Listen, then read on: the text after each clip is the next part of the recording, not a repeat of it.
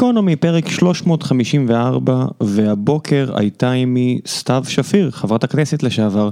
סתיו פנתה אליי לפני uh, מספר שבועות, לאחר שאירחתי את uh, טל וולפסון וליאור תבורי מהפודקאסט הערך המוסף, uh, שני בוגרי משרד האוצר, ובשיחה עימם דיברנו על מערכת היחסים בין uh, המחוקקים לבין החבר'ה שעובדים במשרד האוצר, אותם נערי אוצר שכל כך אוהבים uh, לגרור אותם לתקשורת בשלל סיטואציות, וסתיו יצרה איתי קשר וביקשה שנשוחח על הפרק הזה, וכמובן שנהניתי להזמנה וישבנו ושוחחנו והיה לי כל כך מעניין לדבר איתה, עד שממש הצטערתי שלא היה מיקרופון בינינו.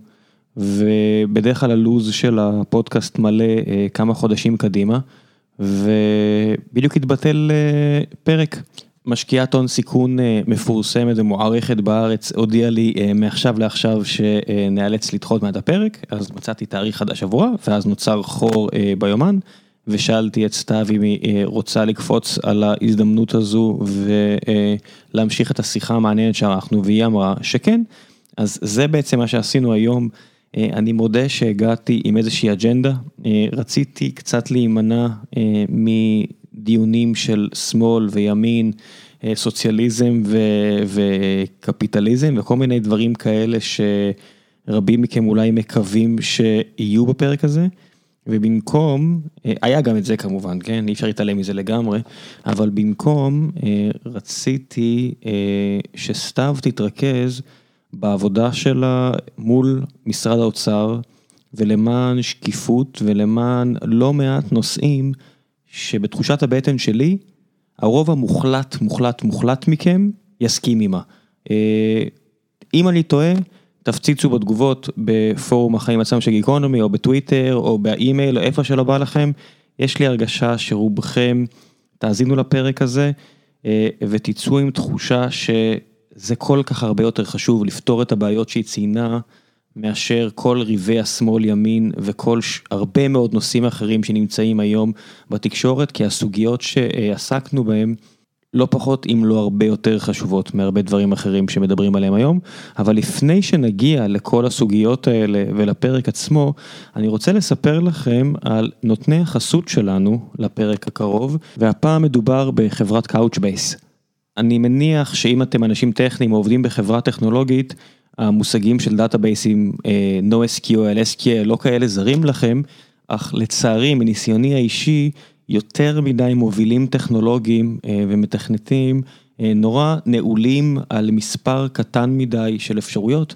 הרבה מכירים את מונגו, הרבה מכירים את רדיס, הרבה מכירים את סוגי ה-SQL המוכרים יותר, ולא משקיעים מספיק זמן בבחינת החלופות, ולכן הם מפספסים הרבה מאוד הזדמנויות כי שתי החברות שציינתי לפני כן, אומנם אה, מוצלחות ויש הרבה מאוד חברות שבנו שירותים נהדרים עליהן, אבל הן לא מתאימות לכולם ויש הרבה מאוד יתרונות למוצרים המתחרים. אני יודע שאני השתמשתי אה, בחברה הקודמת, הובלנו אה, את המוצר הקודם שבנינו עם מתחרה לכל ה-DBs האלה, אבל Couchbase מציעה משהו אחר לגמרי, עם יתרונות גדולים מאוד, אה, שוחחתי עם אה, ליאור תגור, ה-GM, ה-General Manager של Couchbase בארץ בשבע השנים האחרונות, והוא מכיר את השוק הישראלי מצפון לדרום, ממזרח למערב, ורק זה כבר יתרון גדול, כשיש לכם מישהו בארץ שמבין אתכם ויכול לדבר איתכם ויכול לעזור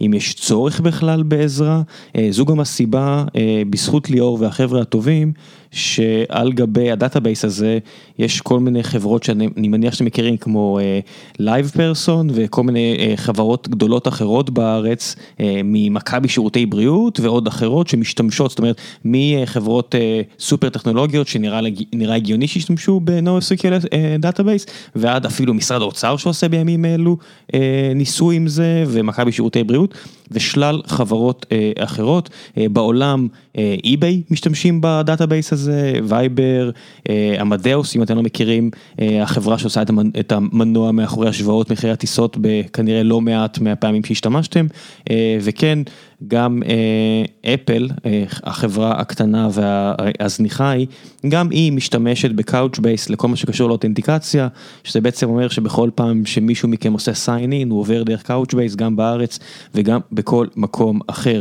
בגדול מדובר על database NoSQL כמו שכבר ציינו. הוא נותן מעטפת של יכולות שימוש במידע שמייתרת שימוש במערכות חיצוניות נוספות, מה שלא קיים בטכנולוגיות מתחרות ואני יודע כי בדקתי, אני חושב את רובם. עם Couchbase אתם יכולים לעשות למשל חיפוש טקסטואלי, ממש כמו Elasticsearch, אז זה מייתר לכם אולי בעצם גיוון יתר ב-stack הטכנולוגי שלכם, ויש שם אפשרות לעשות חיתוכים ואנליזות בזמן אמת, ממש כמו כלי BI שאתם מכירים, או A-B testing שאתם מכירים, ואז הם חוסכים אולי כלים אחרים.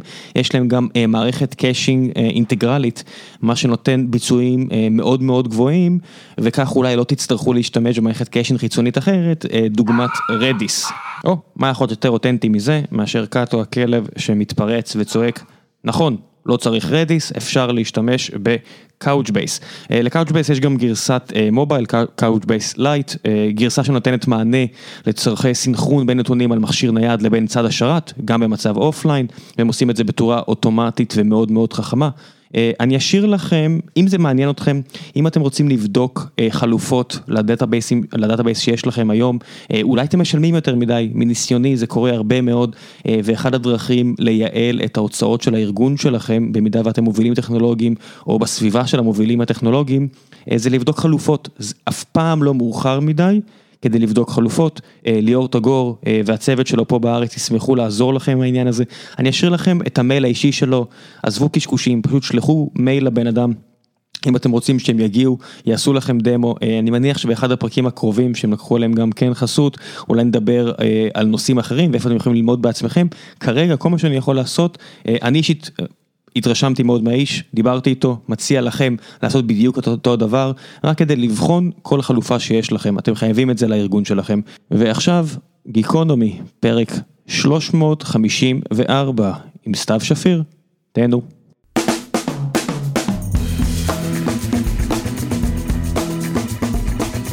גיקונומי, פרק 354, והבוקר נמצאת עימי סתיו שפיר, שהבטיחה להגיע גם בפרק 1000 עגול. בהחלט. כן, אני... גם ב-500 אם תרצה. יאללה. יש שלח שהגיע, שם לב שהוא מגיע כל 100 פרקים, עגול, כזה, זה 10, 110, 210 כאלה. מוזמנת לפתוח רצף משלך, אין לי בעיה, אנשים מעניינים תמיד כיף לראות מה קורה איתם כל איקס שנים. כל 99 פרקים. כן, זה יוצא בערך כל, בקצב הנוכחי זה יוצא בערך כל שנה. סחטן עליכם. כן, אנחנו grinding it out. זה חלק מהקטע, ברגע שאתה מחליט שאתה עושה משהו, תעשה אותו. זה משתלם. זה מדהים איך זה משתלב בספורט, כי אני גיליתי את הפודקאסטים רק כשהתחלתי לעשות ספורט. אז זה ממש שני דברים שכרוכים עכשיו אחד בשני, אני לא מצליחה לדמיין ספורט בלי פודקאסטים ולהפך. זאת אומרת, כן, זה נשמע לי נורא מוזר להאזין לפודקאסטים, אני לא רצה תוך כדי בים או משהו. למה התחלת לרוץ? בגלל הקורונה, ובגלל היציאה מהפוליטיקה, אני חושבת. כלומר, ביום שסיימתי רשמית בכנסת, היה לי ככה איזה חודש וחצי להיערך לסיום, כשהחלטתי שאני לא אתמודד בבחירות, והייתי, אז, אז ניסיתי לנקות שולחן, לעשות הכל, לסיים הכל כמה שיותר טוב. הגיע היום שהסיפור הזה הסתיים, תכננתי לעשות טיול קטן. מין טיול תרמילאים כזה, טיול אחרי צבא, ואחר כך להתחיל את הפרק החדש בחיי, ואז ממש באותו יום החליטו על סגר, נגמרו הטיסות, לא היה אפשר לזוז מפה, כל התוכניות שתכננתי לעשות פתאום נכנסו להולד, והדבר הכי מטורף שקרה, שראיתי את הבית שלי באור יום, דבר שלא הכרתי, לא היה לי שם של מושג איך הבית נראה, חוץ מהשעות של בין 12 בלילה ל-6 וחצי בבוקר, והסגר כל כך, כל כך הזדעזעתי מהרעיון שאני צריך להישאר בבית, שפשוט לקחתי את נעלי הספורט שלי, שמעולם לא היו בשימוש, כי בחיים שלי לא רצתי, אה, ולא חשבתי שאני יודעת לרוץ יותר משלוש דקות. ויצאתי החוצה, אה, עוד היה אפשר לעשות אה, כושר ברגעים האלה, יצאתי החוצה, התחלתי לרוץ ו-45 דקות רצתי בלי הפסקה, ואז פתאום הבנתי שזה אפשרי. מ-0 רצת 45 דקות? אני חושבת שזה היה שילוב של ה... state of mind. כן, אתה יודע, אתה יוצא מעשייה כל כך אינטנסיבית של 18 שעות, שעות עבודה ביום, למצב חדש, אתה, הגוף מחפש באיזשהו מקום את, ה, את, את, את הלרוץ, את, את האדרנלין, את, את כל הדברים האלה שאיכשהו ב, בפוליטיקה ובכלל בעשייה שיש בה הרבה מאוד לחצים, ואתה עומד מול המון מתקפות, ואתה כל הזמן במין אה, מתח גבוה כזה. אה, ופתאום מצאתי את זה בספורט, וזה היה משהו שלא שיערתי, באמת, אף פעם לא חשבתי שאני אוכל להתחבר אליו. וככה זה המשיך, יום אחרי יום, אחרי יום, אחרי יום, ריצות מאוד מאוד, יחסית, יחסית אה, למה שהיה לפני, היו מאוד ארוכות. אה, וככה הגיעו גם הפודקאסטים. מה היה הראשון? זה ממש חיבור. בהתחלה הקשבתי להרצאה של יובל נוח הררי, זו שהקדימה את הספר, יש סדרת הרצאות כזו שהקשבתי לה בריצות הראשונות. אה, ואז עברתי ל-BBC, לפודקאסט המצוין שלהם, של הניו יורק טיימס, אה, אחר כך התחלתי לחפש כל מיני דברים שיותר מתעסקים במדע וטכנולוגיה, לאט לאט זרמתי, וגיקונומי, הכרתי אתכם כמובן, ומדי פעם, דגמת. ראיתי, כן, מקטעים, אבל זה תמיד היה בככה חמש דקות, כן. בגג של הגג, אה, ופתאום יכולתי להקשיב. זה היה נהדר, עד כדי שהחלטתי שגם אני אעשה פודקאסט, שזה, להצטרף לאופנה מאוחר. כן, שלחת לי הודעה לפני איזה שבועיים שלוש, האזנתי לפרק עם נערי האוצר ואני רוצה להגיב על זה. או משהו כזה. כן, רציתי לדבר, רציתי לדבר איתך על זה. כן. כי, כי מאוד הפריע, הקשבתי לפרק הזה, שהוא היה פרק מאוד מעניין. אבל חכי, חכי, תכף אה. נגיע לזה. מעניין אותי לשמוע עלייך שנייה, לפני שנגיע. אה, היום הזה, ואני מבטיח לכם מאזינים, אל תדאגו, אה, יהיה מלא על האוצר, מבטיח. אני שמחה שיש מתעניינים בתחום. אני אני מבטיח לך שיש, אה, כולל בטוח 40-50 אה, עובדי משרד האוצר שכזה עושים. אתה יודע, פעם פעם שאלו אותי איך, היה היה איזה רגע בוועדת כספים שהייתי צריכה לעשות אה, פיליבסטר של 13 שעות כדי לעצור חוק נוראי שניסו להעביר שם. במשך 13 שעות דיברתי על התקציב, ושאלו אותי מה, כאילו, מה אמרת על זה 13 שעות? אמרתי, מה, 13 שעות? אני יכולה לדבר על התקציב גם שבועות, רק תנו לי את ה...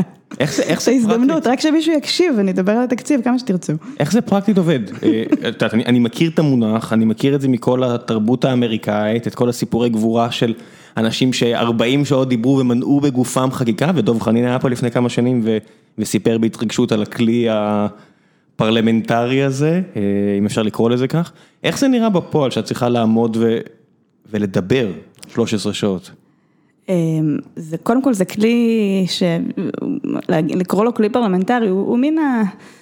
הדבר האחרון שאתה יכול לעשות כשמנסים אה, להעביר משהו שהוא ממש ממש מנוגד לערכים שלך. אה, הוא לא כלי אה, שפוי במיוחד, כי בעצם מה, מה, מה עושים בפיליבסטר? פיליבסטר המטרה שלו היא לעכב הצבעה. זה, זה בגדול העניין. עכשיו, ככל שאתה מעכב את ההצבעה יותר זמן, זה אגב לא קורה במליאה, במליאה הפיליבסטר הוא לא אמיתי. הפיליבסטר האמיתי בישראל, בארצות הברית יש אה, מסורת אחרת בעניין הזה, בישראל הפיליבסטר האמיתי שיכול באמת לעצור חוק קורה בוועדות. ואז בתוך הוועדה, ככה שזה קורה בישיבה ולא בעמידה, ובתוך הוועדה אתה צריך, אה, אתה יכול בעצם למשוך את הזמן עד להצבעה באמצעות דיבור על ההצבעה או העלאה של הסתייגויות. כלומר, אתה לוקח את החוק ואתה מצרף לכל מילה, לכל פסיק, לכל מספר בחוק איזושהי הסתייגות, כולם נאלצים להצביע עליו, מה שמשאיר גם את חברי הקואליציה בתוך החדר, והם לא יכולים לצאת, כי אם הצבעה אחת נופלת, אז, אז החוק אה, מתחיל את תהליך הנפילה שלו בעצם, ו, ואתה משת... ו, ובתוך הוועדה זה גם לא מוגבל בזמן, כלומר במליאה, בגלל תהליכים של שחיקה של, ה, של הדמוקרטיה בשנים האחרונות, האפשרות להמשיך פיליבסטר בצורה שתפיל חוק היא כמעט בלתי אפשרית, כי יש אה, היום, הקואליציה כופה, בתהליך שהוא לא דמוקרטי, אבל הקואליציה כופה זמני דיון על המליאה, ואז בעצם הם עוצרים את הדיון. אה, בוועדה הם לא יכולים לעשות את זה, ואז אתה יכול, זה משהו שלצערי הרבה ח"כים לא מכירים ולא משתמשים בו, אבל אתה יכול פשוט להמשיך את ה... את הפיליבסטר כמה שאתה רוצה, עד שאתה מתיש את הקואליציה, ואז הם מנסים להגיע איתך לכל מיני הסכמות, או שהחוק פשוט נופל. לא עושים את זה הרבה פעמים. אבל... אה, יש בזה גם משהו קצת מלוכלך. יש משהו מלוכלך בלהעביר חוק שמפקיע את הפיקוח על התקציב מוועדת כספים, זה החוק שנגדו עשיתי פיליבסטר. מלוכלך מכיוון אחר לגמרי. כן, זה מאוד מלוכלך. תראה, מה שהיה אז, וזה היה סיפור מטורף, אני הגעתי בכלל מטיסה, הייתי יומיים בארצות הברית בנסיעה, נסעתי לנאום שם מול... כשדיברנו על נסעתי לנאום שם מול ועידת המורים האמריקאית כדי לשכנע אותם להתנגד ל-BDS, אז זה היה ממש טיסה ללילה אחד לארה"ב, חזרתי, על הבוקר הגעתי לכנסת כדי להמשיך ככה במין, אתה יודע שאתה סוף שבוע שלם ער, ואז הגעתי לכנסת לדיון שהיה אמור להיות על הצבעה, בכלל על חוק התקציב הדו-שנתי, על הערכה של הוראת שעה, משהו שהוא כמעט טכני, עושים לו התנגדויות, אבל לא חושבים, לא מפילים על זה ממשלה. את אומרת זה בימים שאולי מפילים כן, לא, זה היה פעם, זה היה פעם, זה היה לפני כמה שנים. ואז הגיע החוק הזה, ופתאום אני, אני קוראת את החוק ככה, אפילו ברפרוף, ופתאום אני רואה שם סעיף שאומר שכל העברה, העברה תקציבית, כל שינוי בתקציב מעכשיו, לא יעבור דרך ועדת כספים יותר, אלא יעבור באישור ראש הממשלה ושר האוצר בלבד. ואני מסתכלת על זה שוב, ואתה יודע, משפשפת את העיניים ואומרת, יכול להיות שאני עייפה, מה זה הדבר הזה? מסתכלת על זה, רואה שזה אמיתי, רצה לייעוץ המשפטי של הוועדה, לשאול אותם אם אני באמת קוראת את זה נכון, אמרו לי, ככה הנהנו, ב, הם אפילו, אפילו לא אמרו, הם הנהנו ב, כאילו, אנשים שנראו כמו אנשים חטופים, שמנסים לסמן לך, שמנסים לסמן לך עם העיניים שמשהו לא בסדר, ואני מסתכלת על זה ואני אומרת, איך זה יכול להיות? רצתי לכל חברי הכנסת שהיו בוועדה, עוד כמעט, מעט מאוד הגיעו, ואמרתי להם, תראו מה קורה פה, תראו מה קורה פה, חברי הקואליציה די נפנפו את זה, לא כל כך מתעניינים. באופוזיציה, רוב הוועדה הייתה, הייתה ריקה באותה שעה, והיינו אמורים להתחיל להצביע. תפסתי ריצה במסדרונות של הכנסת לתפוס כל חבר אופוזיציה, לא חברי ועדת כספים, כל חבר אופוזיציה שאני יכולה להביא לחדר. הבאתי את כולם לחדר, היינו, כולם, היינו איזה חמישה-שישה אנשים, והתחלנו לשאול שאלות על החוק. תוך כדי אני רואה את פרח לרנר, שהייתה אז יועצת של נתניהו, מאז הודתה בעבירות של הפרת אמונים. אני רואה אותה מסתובבת, היא בדרך כלל לא מסתובבת בחדרי ועדת כספים, אני רואה אותה מסתובבת שם ומביאה את חברי הכנסת של הליכוד לשבת בוועדה, ואני מבינה שמשהו מאוד מאוד רע קורה שם, ושהוא הולך לעבור כמחטף, אף אחד לא, אף אחד לא עוצר אותו. ואז התחלנו את הפיליבסטר. בהתחלה אה, התחילו, כל חבר אופוזיציה התחיל לדבר בערך שעה, ואז אני התחלתי לדבר וככה, וזה נמשך 13 שעות, כשבתוך הזמן הזה חברי הקואליציה התחילו עברו מהלצות לקללות, ל... אני לא אחזור לדברים שהם אמרו, אבל, אבל כל דבר נאמר שם בניסיון להוציא אותי מהוועדה, כל דבר, כל לכלוך וקללה אפשרית בניסיון שאני פשוט אפסיק עכשיו, שעות חולפות כבר, מגיע כמעט חצות, אנחנו בוועדה מהבוקר, וחברי הקואליציה מתחילים להתחרפן, פשוט מתחילים להשתגע. בשלב הזה הם מודיעים שמפסיקים את הפרוטוקול של הוועדה, דבר שאסור לעשות, ושמפסיקים את הוידאו של הוועדה. עוד דבר שאסור לעשות, כל ועדה מצולמת ובמכוון, כי לפעמים הפרוטוקול מפספס דברים. ואז שלפתי את ה... חשבתי תוך כדי, תוך כדי אני כל הזמן אומרת הסתייגויות לחוק, כלומר אסור לי להפסיק לדבר. אני מתעלמת מהם, פשוט ממשיכה להגיד את ההסתייגויות, ואז הוצאתי את הפלאפון והתחלתי לצלם, ברגע שהם חיברו את הוידאו, התחלתי לצלם את הדיון ב-live לפייסבוק. פעם ראשונה שהשתמשתי בכפתור הזה של ה-live בפייסבוק, זה היה לפני כמה שנים, לא ידעתי אפילו אם זה עובד, פשוט התחלתי לדבר תוך כדי שאני מחזיקה את הפלאפון ומצלמת אותם, ומה שקרה היה מדהים, תחשוב שהשעה הייתה חצות, לא, התקשורת לא הייתה בחדר, אגב התקשורת לא נמצאת בדיונים הכי חשובים שקורים בוועדת כספים, הם תמיד, הם תמיד קורים איכשהו בשקט, לא שמים עליהם לב בתקשורת, ו... לא האמנתי שמישהו בבית יתעניין במה שקורה בוועדת כספים באותו רגע, כי אפילו לא היה לי זמן להסביר בווידאו מה קורה. אבל אנשים הסתכלו על הוועדה, ופתאום כבר נהיו אלף ואלפיים וחמשת אלפים צופים, ככה באמצע הלילה, הסתכלו בוועדה, ומה הם ראו? הם ראו חבורה של בריונים, צורכים ומקללים, בזמן שאני פשוט מנסה לדבר על התקציב ולהגיד דברים ש... שיש בהם הרבה היגיון. דוד ביטן ואמסלם ואורן חזן וסמוטריץ', היו שם, אני לא זוכרת בדיוק את ה... את ההרכב, זה היה מהחבורה הזאת, מיקי זוהר. שהוא רוצה, הוא מאחר לערב פוקר שלו ואת מפריעה לו, הוא רב איתך על הסעיף, כאילו...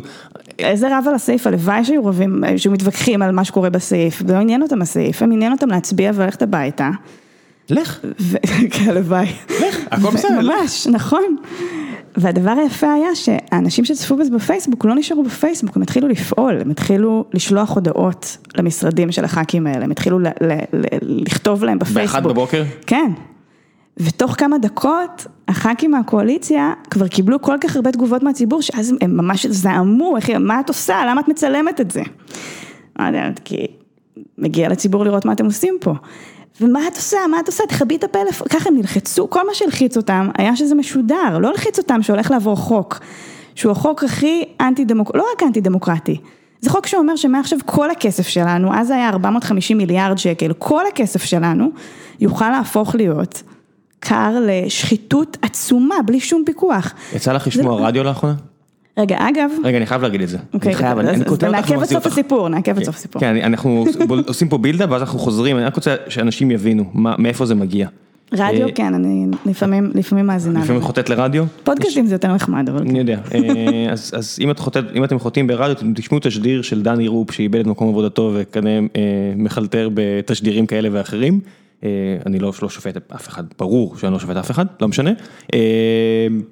אה, אז הוא מדברר שם את אה, את ההחלטה לתת מענקים ועד 21 וכל הדברים האלה. ואז זה כזה, הדבר הזה מוגש לכם כזה, בחסות משרד האוצר ומשרד ראש הממשלה. אה, זה לא הכנסת, זה לא הממשלה, זה כבר ראש הממשלה מביא לכם כסף. אוי, אלוהים אדירים. טוב שהם עוד לא- אומרים משרד. כן, טוב לא. שלא אומרים... אה, ביבי. כן. ביבי, חבל על הזמן. מפנק אתכם ככה, אתם משלמים מלא מיסים, וביבי מפנק אתכם ונותן. לכם איזה גרוש. סגרתי סוגריים. קיבלתם 750 שקל. סגרתי סוגריים ואני מחזיר את זה לסיפור שלך, שאחד בבוקר את ממשיכה לדבר. ניצחנו. אה, איך זה הסיפור קרה? ש- שהציבור, בזכות המעורבות שלו, אה, גרם לזה שהצלחנו להפיל את החוק. באחת בלילה, הקואליציה קיבלה את כל התגובות, הם כל כך נלחצו, שהם פשוט החליטו לעצור את הדיון וה, ולשלוח אותנו הביתה. הגענו, חזרתי לכנסת כמה שעות אחר כך, אה, כשאני בלי קול, דבר שלא קרה לי אף פעם, אה, ו, ועוד, ועם חום, והגעתי לשם והחוק, אה, החוק לא היה יותר, פשוט בוטל. הבינו שהדבר הזה לא יכול לעבור. יש שיחה על זה? בזכות יש דיון? העיכוב על זה, בזכות זה שהצלחנו למשוך את הזמן ושהציבור התערב והפחיד את אה, חברי הקואליציה והראה להם שיש מספיק מעורבות כדי ש... מספיק עיניים על הדבר הזה, אי אפשר להעביר את זה במחשכים, בזכות זה הדבר הזה נפל ו- וזה באמת, לי זה הבהיר כמה, אתה יודע, לפעמים אתה... גם בתוך הפוליטיקה ובכלל בעשייה הציבורית, גם אקטיביסטים שנמצאים עכשיו במחאות או בכל מקום אחר, המון פעמים מרגישים מאוד מאוד לבד. ו- ולא מבינים למה, למה אין פה עכשיו שני מיליון מפגינים, למה אין פה עכשיו את כל המדינה. והאמת היא שאפילו קבוצות של כמה אלפים יכולות לעשות שינוי מאוד גדול, ברגע שהן מגיעות ומתאחדות ו- ומכוונות למטרה אחת משותפת. וזה גם מה שמביא את, ה- את הציבור הרחב יותר וגורם לו להרגיש, לפעמים בפעם הראשונה, שיש לו כוח. מישהו מהצד השני במעמד אה, החקיקה הזו, בוועדה הזו, הסביר את הסעיף? אמר, אה, יש לי טיעון אה, לוגי, את יודעת, יש איזושהי רטוריקה בעד? מה פתאום, זה, זה מדהים כמה ש... ואני ממליצה באמת לכולם להסתכל לפעמים בסרטונים. מה- מאתר הכנסת, בוועדות מלאות, לא בדברים שיוצאים אחר כך אה, ברשתות שהם תמיד נורא קצרים ומתומצתים, אלא ממש לראות דיון. זה ממש קשה לראות לבן אדם, לאזרח הרגיל, אה, משלם המיסים, מאוד מאוד קשה לראות איך שהדיון שם הוא כל כך שטחי וכל כך ציני. ש, שיכול, אתה יודע, יושב ראש הוועדה יכול להגיד, אה, כן, אני מבין מה קורה בחוק הזה, אבל אין מה לעשות, ראש הממשלה רוצה. אה, ואתה רואה את הנציגים של... שיבוא ראש הממשלה ויסביר למה הוא רוצה. ממש. תכין דף A4, נכון. שפרח לרנר תביא דף A4 שתקריא אותו. לא רק זה, אתה יודע, בבריטניה ראש הממשלה צריך להתייצב פעם בשבוע מול הפרלמנט ו- ולענות לשאלות במשך שעה של כל אה, חברי הפרלמנט. בישראל אין, אין כזה דבר בכלל, אין כזאת פונקציה. הוא לא מגיע כשיש...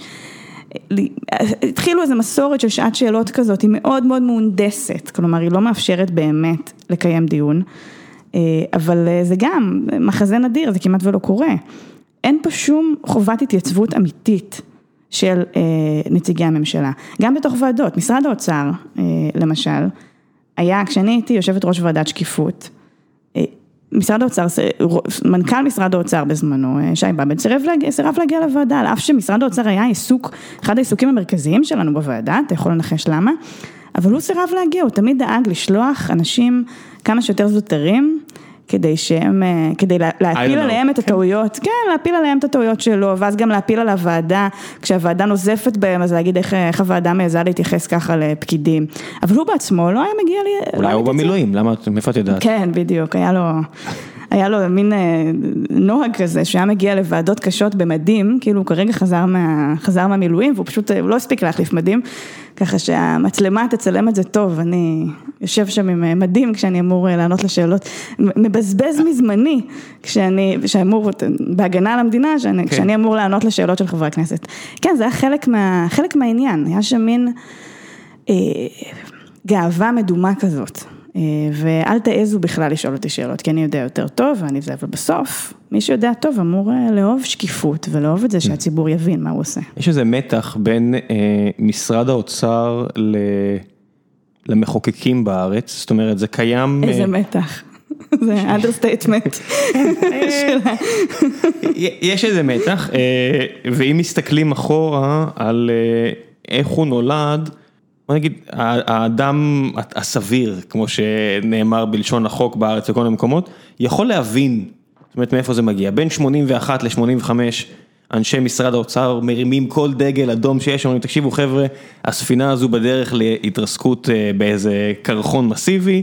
הנה התוכנית מה צריך לעשות, ארבע שנים צועקים צועקים צועקים, כולם בשקט עד שפרס מכניס את כולם לחדר ואומר חבר'ה, אני מצטער, אנחנו צריכים לעשות פה וכול, וכולכם איתי, ו, וימות העולם, אתם איתי בדבר הזה, אה, ומוצאים את ישראל לדרך חדשה, יורום אריאב היה פה וסיפר על זה, ונראה כאילו מאז שהיה תוכנית הייצוב וישראל אה, ניצלה מאיזשהו עתיד ונצואלני, או לא יודע איך אומרים את זה, איך, איך לקחת את ונצואלה ולהפוך אותה לתואר, אה, המתח הזה לכיוון משרד האוצר שמתייחס למחוקקים בתור ילדים מטומטמים. אז, אז יש זה הרבה יותר ממתח, באמת אנשים, אה, חוסר האמון בתוך הממשלה ובין הממשלה לכנסת, ו, וגם בין משרדי הממשלה, כלומר בין שרים או בין מנכ"לים של משרדים, יותר נכון, לבין משרד האוצר, חוסר האמון מטורף. כלומר, זאת מערכת, אם, היה, אם היית מדמה את משרד האוצר או את הממשלה לחברה פרטית, והיית רואה איך, מתנהל, איך מתנהלת, איך מתנהל כל תהליך קבלת ההחלטות, ואת חוסר האמון בין, בין בעצם המנהלים של החברה הזאת, היית מזדעזע, היית אומר איך הדבר הזה יתפקד, בחיים לא הייתי משקיע בכזאת חברה. ו, וזה בדיוק העניין, אתה מסתכל על מה שקרה שם במערכת, זה נכון, אפשר, אפשר להסתכל על זה בפריזמה של 85, ואפשר להסתכל על זה בפריזמה של 2020. עברו 35 שנים מאז. אני נולדתי ב-85, ואפשר, בפריזמה של 2020, אחרי מהפכה טכנולוגית עצומה שהתרחשה פה אה, בסוף שנות ה-80 ובניינטיז, אחרי מהפכה אדירה של מידע ושל שקיפות, שזה דבר של העשור האחרון, פחות או יותר, או של תחילת העשור הקודם, אה, שהתחילה בתחילת העשור הקודם. עם כל הדברים האלה, היום אתה מסתכל על איך שמתנהלת הממשלה ואתה אומר שאלוהים ישמור, ובאמת, אני כל כך, אה, לפני שנכנסתי לפוליטיקה, נגיד עד כמה חודשים לפני שהחלטתי להיכנס, המחשבה על פוליטיקה לא עברה לי בראש בכלל. כי כשחשבתי על פוליטיקה, חשבתי שחיתות. ו- ומה אני אעשה בתוך מקום שהוא כל כך מושחת, איך אפשר לעבוד שם, איך אפשר להשפיע משם. וזה וה... הדברים שהיו לי בראש ב-2011, ו- ואחרי שנכנסתי לפוליטיקה, הבנתי שזה פי אלף יותר מושחת ממה שחשבתי. זה מושחת גם בצורה שהיא הרבה יותר מתוחכמת ממה שחשבתי.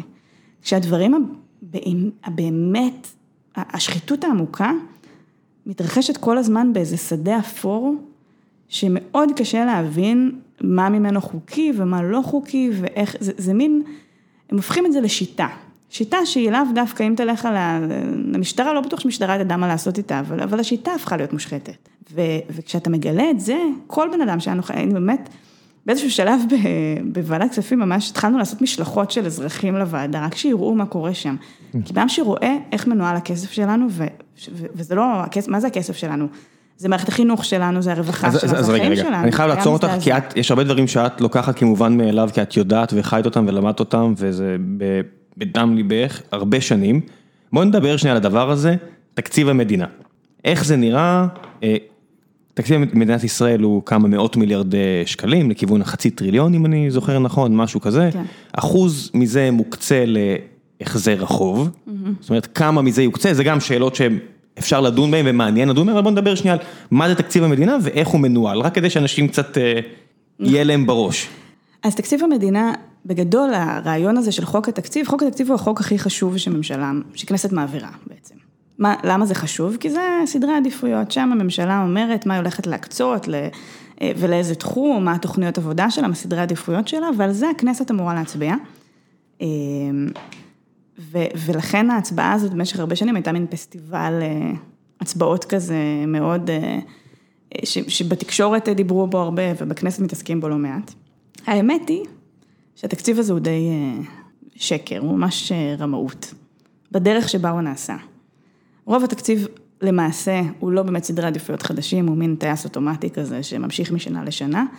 והתקציב האמיתי לא קורה בהצבעה הזאת, הוא לא קורה בתוך ספר התקציב. היום אם תרצה לבדוק מהם סדרי העדיפויות של הממשלה, לא תוכל להבין את זה מספר כן. התקציב. ספר התקציב הוא לא דף A4 או כמה דפי A4, למעשה הוא אה, ספר עב כרס של כמה עמודים? מה זה עב כרס? זה משהו שהיה אפשר להשתמש בו, הרבה לשכות בכנסת משתמשות בו כמחזיק לדלת, זה קופסה ענקית כזו, אנחנו שכנענו, באיזשהו שלב שכנענו את האוצר להעביר את זה במין אה, אה, כרטיס אה, זיכרון כזה. קופסה פיזית. כן, זו קופסה פיזית. דפים כן. מודפסים. כן, ממש, כן. פיזית. ממש ככה. כרוכים, 2020. כן, אגב, תחשוב על זה, מאוד מאוד קשה לעשות אה, פילוחים וניתוחים על מידע שמגיע בדפים פיזיים.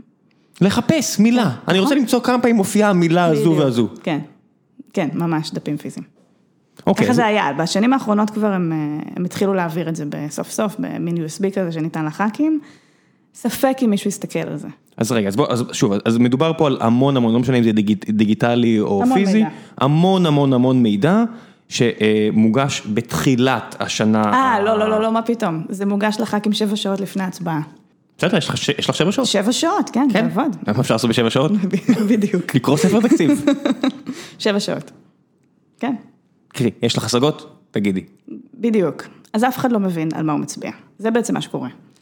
עכשיו, אה, תחשוב שלמה שבע שעות? כי יש, הם רוצים לעמוד טכנית בהוראות החוק על הליך חקיקה, אבל זה ממש טכני, ככה אם זה מגיע לבג"ץ, והלכנו פעם אחת לבג"ץ, אגב מי שהגיש איתי את הבג"ץ הזה זה אה, משה גפני, אה, שהיה, שעכשיו יושב ראש ועדת כספים, וגם היה לפני כן, אבל הלכנו לבג"ץ על הזמן אה, שניתן לח"כים לקרוא את התקציב, שהוא לא זמן אה, אמיתי שמאפשר אה, באמת דיון או הבנה של מה שקורה שם. אבל רגע, אני מחזיר אותך, אז שבע שעות לפני כן. מגיע הספר הזה שמחולק לסעיפים, תתי סעיפים, תת תת תת תת סעיף, שבעצם הלוקציה, לא מה יהיה, מה הכסף בפועל, בוא נגיד הגדרה מלמעלה, לאיפה הכסף אמור לזרום השנה. נכון, התכנון, בעצם התקציב הוא התכנון.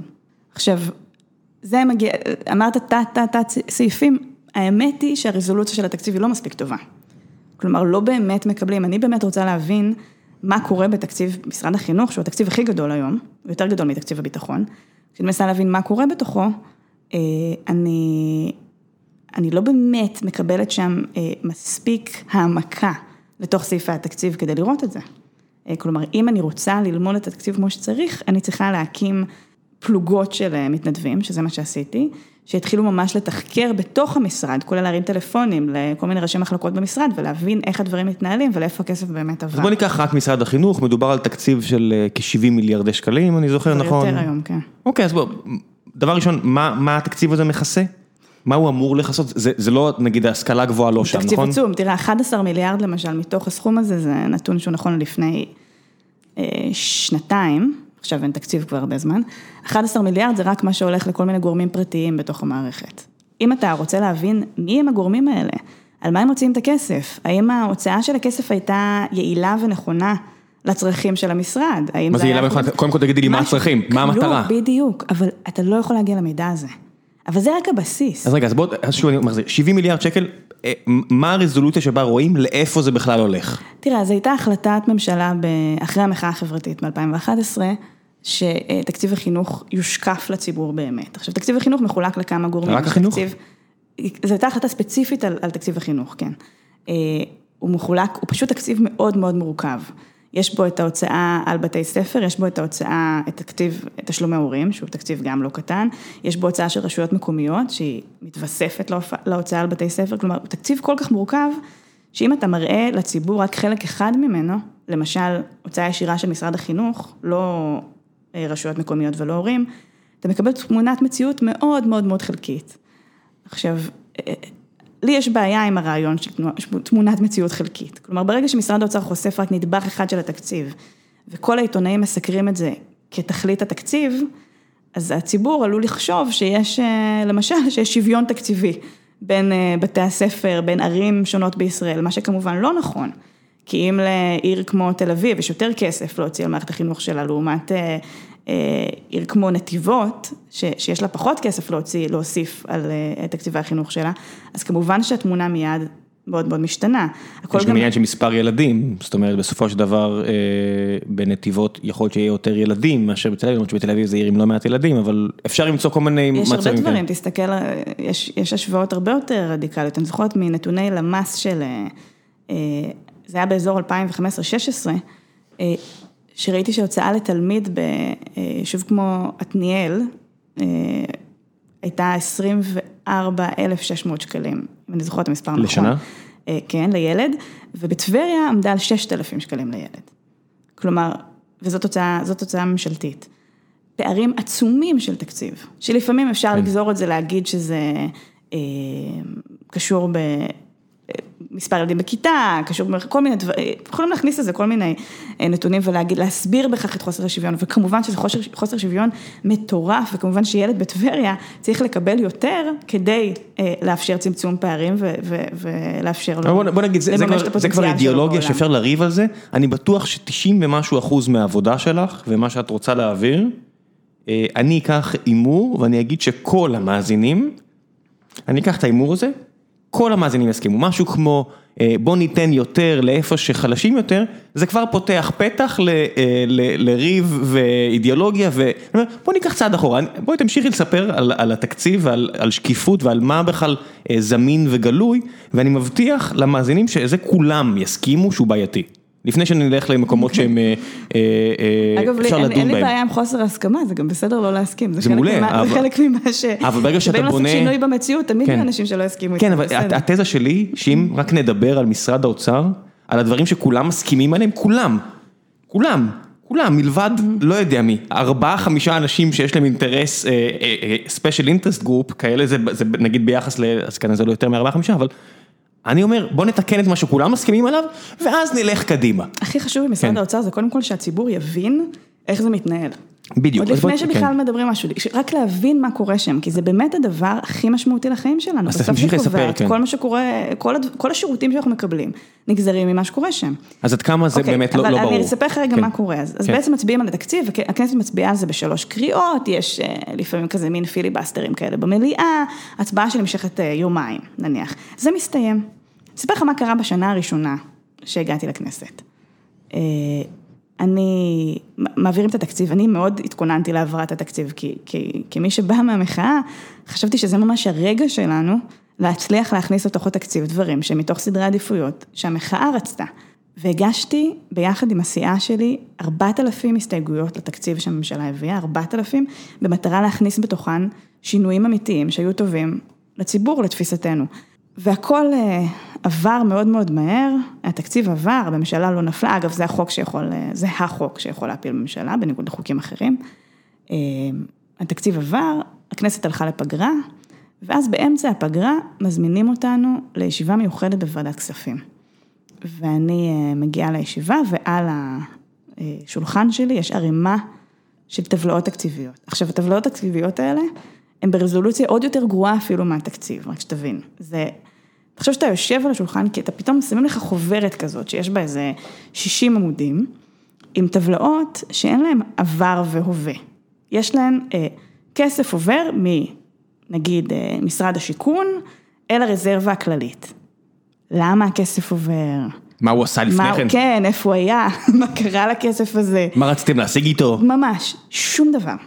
ואז אתה, אתה, אני מתחילה לעבור על הסכומים שהיו שם, ותוך כדי אני שואלת את יושב ראש הוועדה, זה היה אז סלומיאנסקי מהבית היהודי, אני שואלת אותו, כבוד היושב ראש, מה אנחנו אמורים לעשות בדיון הזה? ואז הוא אומר לי, לא, זה סתם, זה עניין טכני, הוא כזה, מין עושה איזו תנועה כזאת ביד של... שקשוקה? כן, לכי תחפשי. זה, זה עניין טכני, אנחנו רגע מצביעים והולכים הביתה. אני שמעתי טכני, נבהלתי. התחלתי לחפש בתוך הטבלאות מה קורה שם, אני מעבירה את הסכומים ואני אין רואה... אג'נדה לפגישה? לא, כתוב שינויים בתקציב. זה אג'נדה. עכשיו, לפני שנייה העברנו תקציב, כן? מה זה שינויים בתקציב? עכשיו הכנסת העבירה תקציב, לפני, זה היה כמה שבועות אחר אומרת, כך. בחברה, אני אספר לך, בחברה פה של 70 עובדים, אין פגישה, אין פגישה, שמי שיבוא, יזמן פגישה ואין אג'נדה מפורטת, מה אנחנו אמורים להשיג, על מה אתה הולך לדבר ולמה אתה הולך לדבר, אני מבחינתי אסגור את הפגישה באותו רגע. את אומרת, אבל על פגישה של אה, איך מחלקים 450 מיליארד שקל שנאספו מכספי מיסים, אה, עניין טכני, שקשוקה, בוא נעבור הלאה. כלום, בקטנה, למה את בכלל מתרגשת? עכשיו, אני מסתכלת על הח"כים האחרים, ואני שואלת אותם, את- מישהו פה יודע על מה אנחנו מצביעים? וכולם אה, מסתכלים עליי ועושים ככה עם הראש, כאילו, לא. ואני מתחילה לקרוא את הטבלאות כמה שיותר מהר כדי להבין מה קורה שם, ואני מזהה שיש שם יותר מעשרה מיליארד שקלים בשינויים בתקציב. כלומר, העברנו לפני רגע תקציב, בזמנו התקציב עמד על, אני חושבת, 350 מיליארד שקל, והעברנו אותו לפני שנייה, ועכשיו הולכים לעשות שינוי של מעל עשרה מיליארד שקלים, ככה בוועדה, שלושה אחוז מהתקציב בלי למצמץ. הצבעה שיכולה לקחת חמש דקות, על הכל.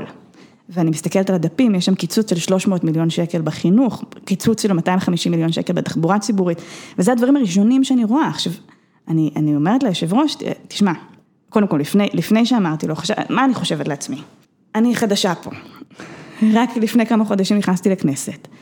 יושבים פה אנשים הרבה יותר מנוסים ממני, ישב שם, ישבו שם בוועדה. אה, גפני, אז הוא היה חבר אופוזיציה, וליצמן, שגם היה חבר אופוזיציה באותם שנים. אה, רובי ריבלין היה חבר ועדה. אה, ישבו שם אנשים עם ניסיון של הרבה מאוד שנים בכנסת, הם בטח מבינים מה קורה פה. איזה הטעיה, אורח. לרגע. כן, לא, ואני מסתכלת, כן. אבל הנתונים שאני רואה מול העיניים, לא נותנים לי מנוח, אני לא יכולה, אתה יודע, לסתום את הפה ולהצביע, כי משהו פה ממש, ממש נראה מסריח. ונראה מסריח, ביטוי מעניין. זה בסדר, זה מס- זה- זה מספיק מסריח. כן, כדי שאפשר לראות, ככה שאפשר לראות את זה. ואני, ואני מסתכלת על זה, ואני אומרת, זה לא יכול להיות, ואני שוב שואלת את הח"כים, "ת- רק תסבירו מה קורה פה. ואז אני מתחילה להבין. אה, הצלחתי באותו יום אה, לעכב את ההצבעה בחמישה ימים. נתנו לנו פעם ראשונה חמישה ימים לקרוא את הנתונים בטבלה לפני הצבעה, וזה היה פעם ראשונה שזה קרה בוועדת כספים. מה, אבל אם אין לך את המידע, מה יעזור לך לקרוא? זאת אומרת, אם את לא, מסתכלת... היה לי את הטבלאות האלה. בסדר, אבל אם את רואה עבר 16 מיליארד, לא 16 מיליארד, 16 מיליון שקל מא' לב', אוקיי, למה? נכון, אז זה היה החלק המעניין. לקחתי את כל הטבלאות האלה הביתה. בזמנו הצוות, הצוות שלי היה שני אנשים. אני ועוד שניים, יועצים פרלמנטריים, זהו. לקחתי את זה הביתה. מה זה בזמנו? זה אחר כך גדל לשלושה. אבל צוות של לשכה פרלמנטרית היה שני אנשים. אה, עכשיו מחלקים ביניהם, כמובן זה שני אנשים שעובדים כמו עשרה אנשים, לכל אחד מהם יש עבודה מפה ועד הירח. ואנחנו כולנו מחלקים את זה בתוך הצוות, זה, זה אין סוף עבודה שצריך לעשות ב- כעבודה פרלמנטרית. ואז הגיע גם זה. לקחנו את כל הדפים האלה, הדבר הראשון שעשינו היה לסרוק את כל הדפים למחשב ולפרסם את הכל באינטרנט. פרסמנו את הכל בפייסבוק. את כל הטבלאות האלה שקיבלנו. ואז קראתי לעזרה, כלומר הפרסום בא ביחד עם, עם קריאה לציבור, בואו תעזרו לנו לפצח את מה שקורה פה. התגייסו באותו יום 120 אנשים, ומגיל 16 עד אה, 100 בערך, התגייסו והתחילו ביחד איתנו לקרוא את מה שקורה בתקציב. חילקנו את כל העמודים האלה בין אנשים, חילקנו את זה למשרדי ממשלה, והם כולם התחילו לעשות תחקיר. לישיבה שהייתה חמישה ימים אחר כך כבר באתי עם המון המון המון שאלות על מה שקורה בסכומים האלה. אה, ועם הזמן, ככל שעברו החודשים, הפכנו להיות מ-120 איש, הפכנו להיות צבא. קפצת, קפצת, כן. קפצת. את מעלה הסתייגויות, זה לא הסתייגויות, זה שאלות. שאלות. כן. מצטער. אה, ואת מעלה שאלות על, תגיד, למה 22 מיליון שקל עוברים מא' לב' וככה? לא, ואז מגיעים נציגי האוצר, שעונים גם בשם המשרדים, זה, אחר כך נגיע לזה, למה זה קורה שהם עונים בשם המשרדים, מגיעים נציגי האוצר, רפרנטים, אה, והם עונים לח"כים על השאלות. רפרנטים, אנשים בני 25 עד 30. לא, אה, יש קצת יותר מבוגר, אבל בסדר, כן. אבל זה הדרגה הכי נמוכה במשרד האוצר, פחות או יותר. גם אני הייתי אז בת 27.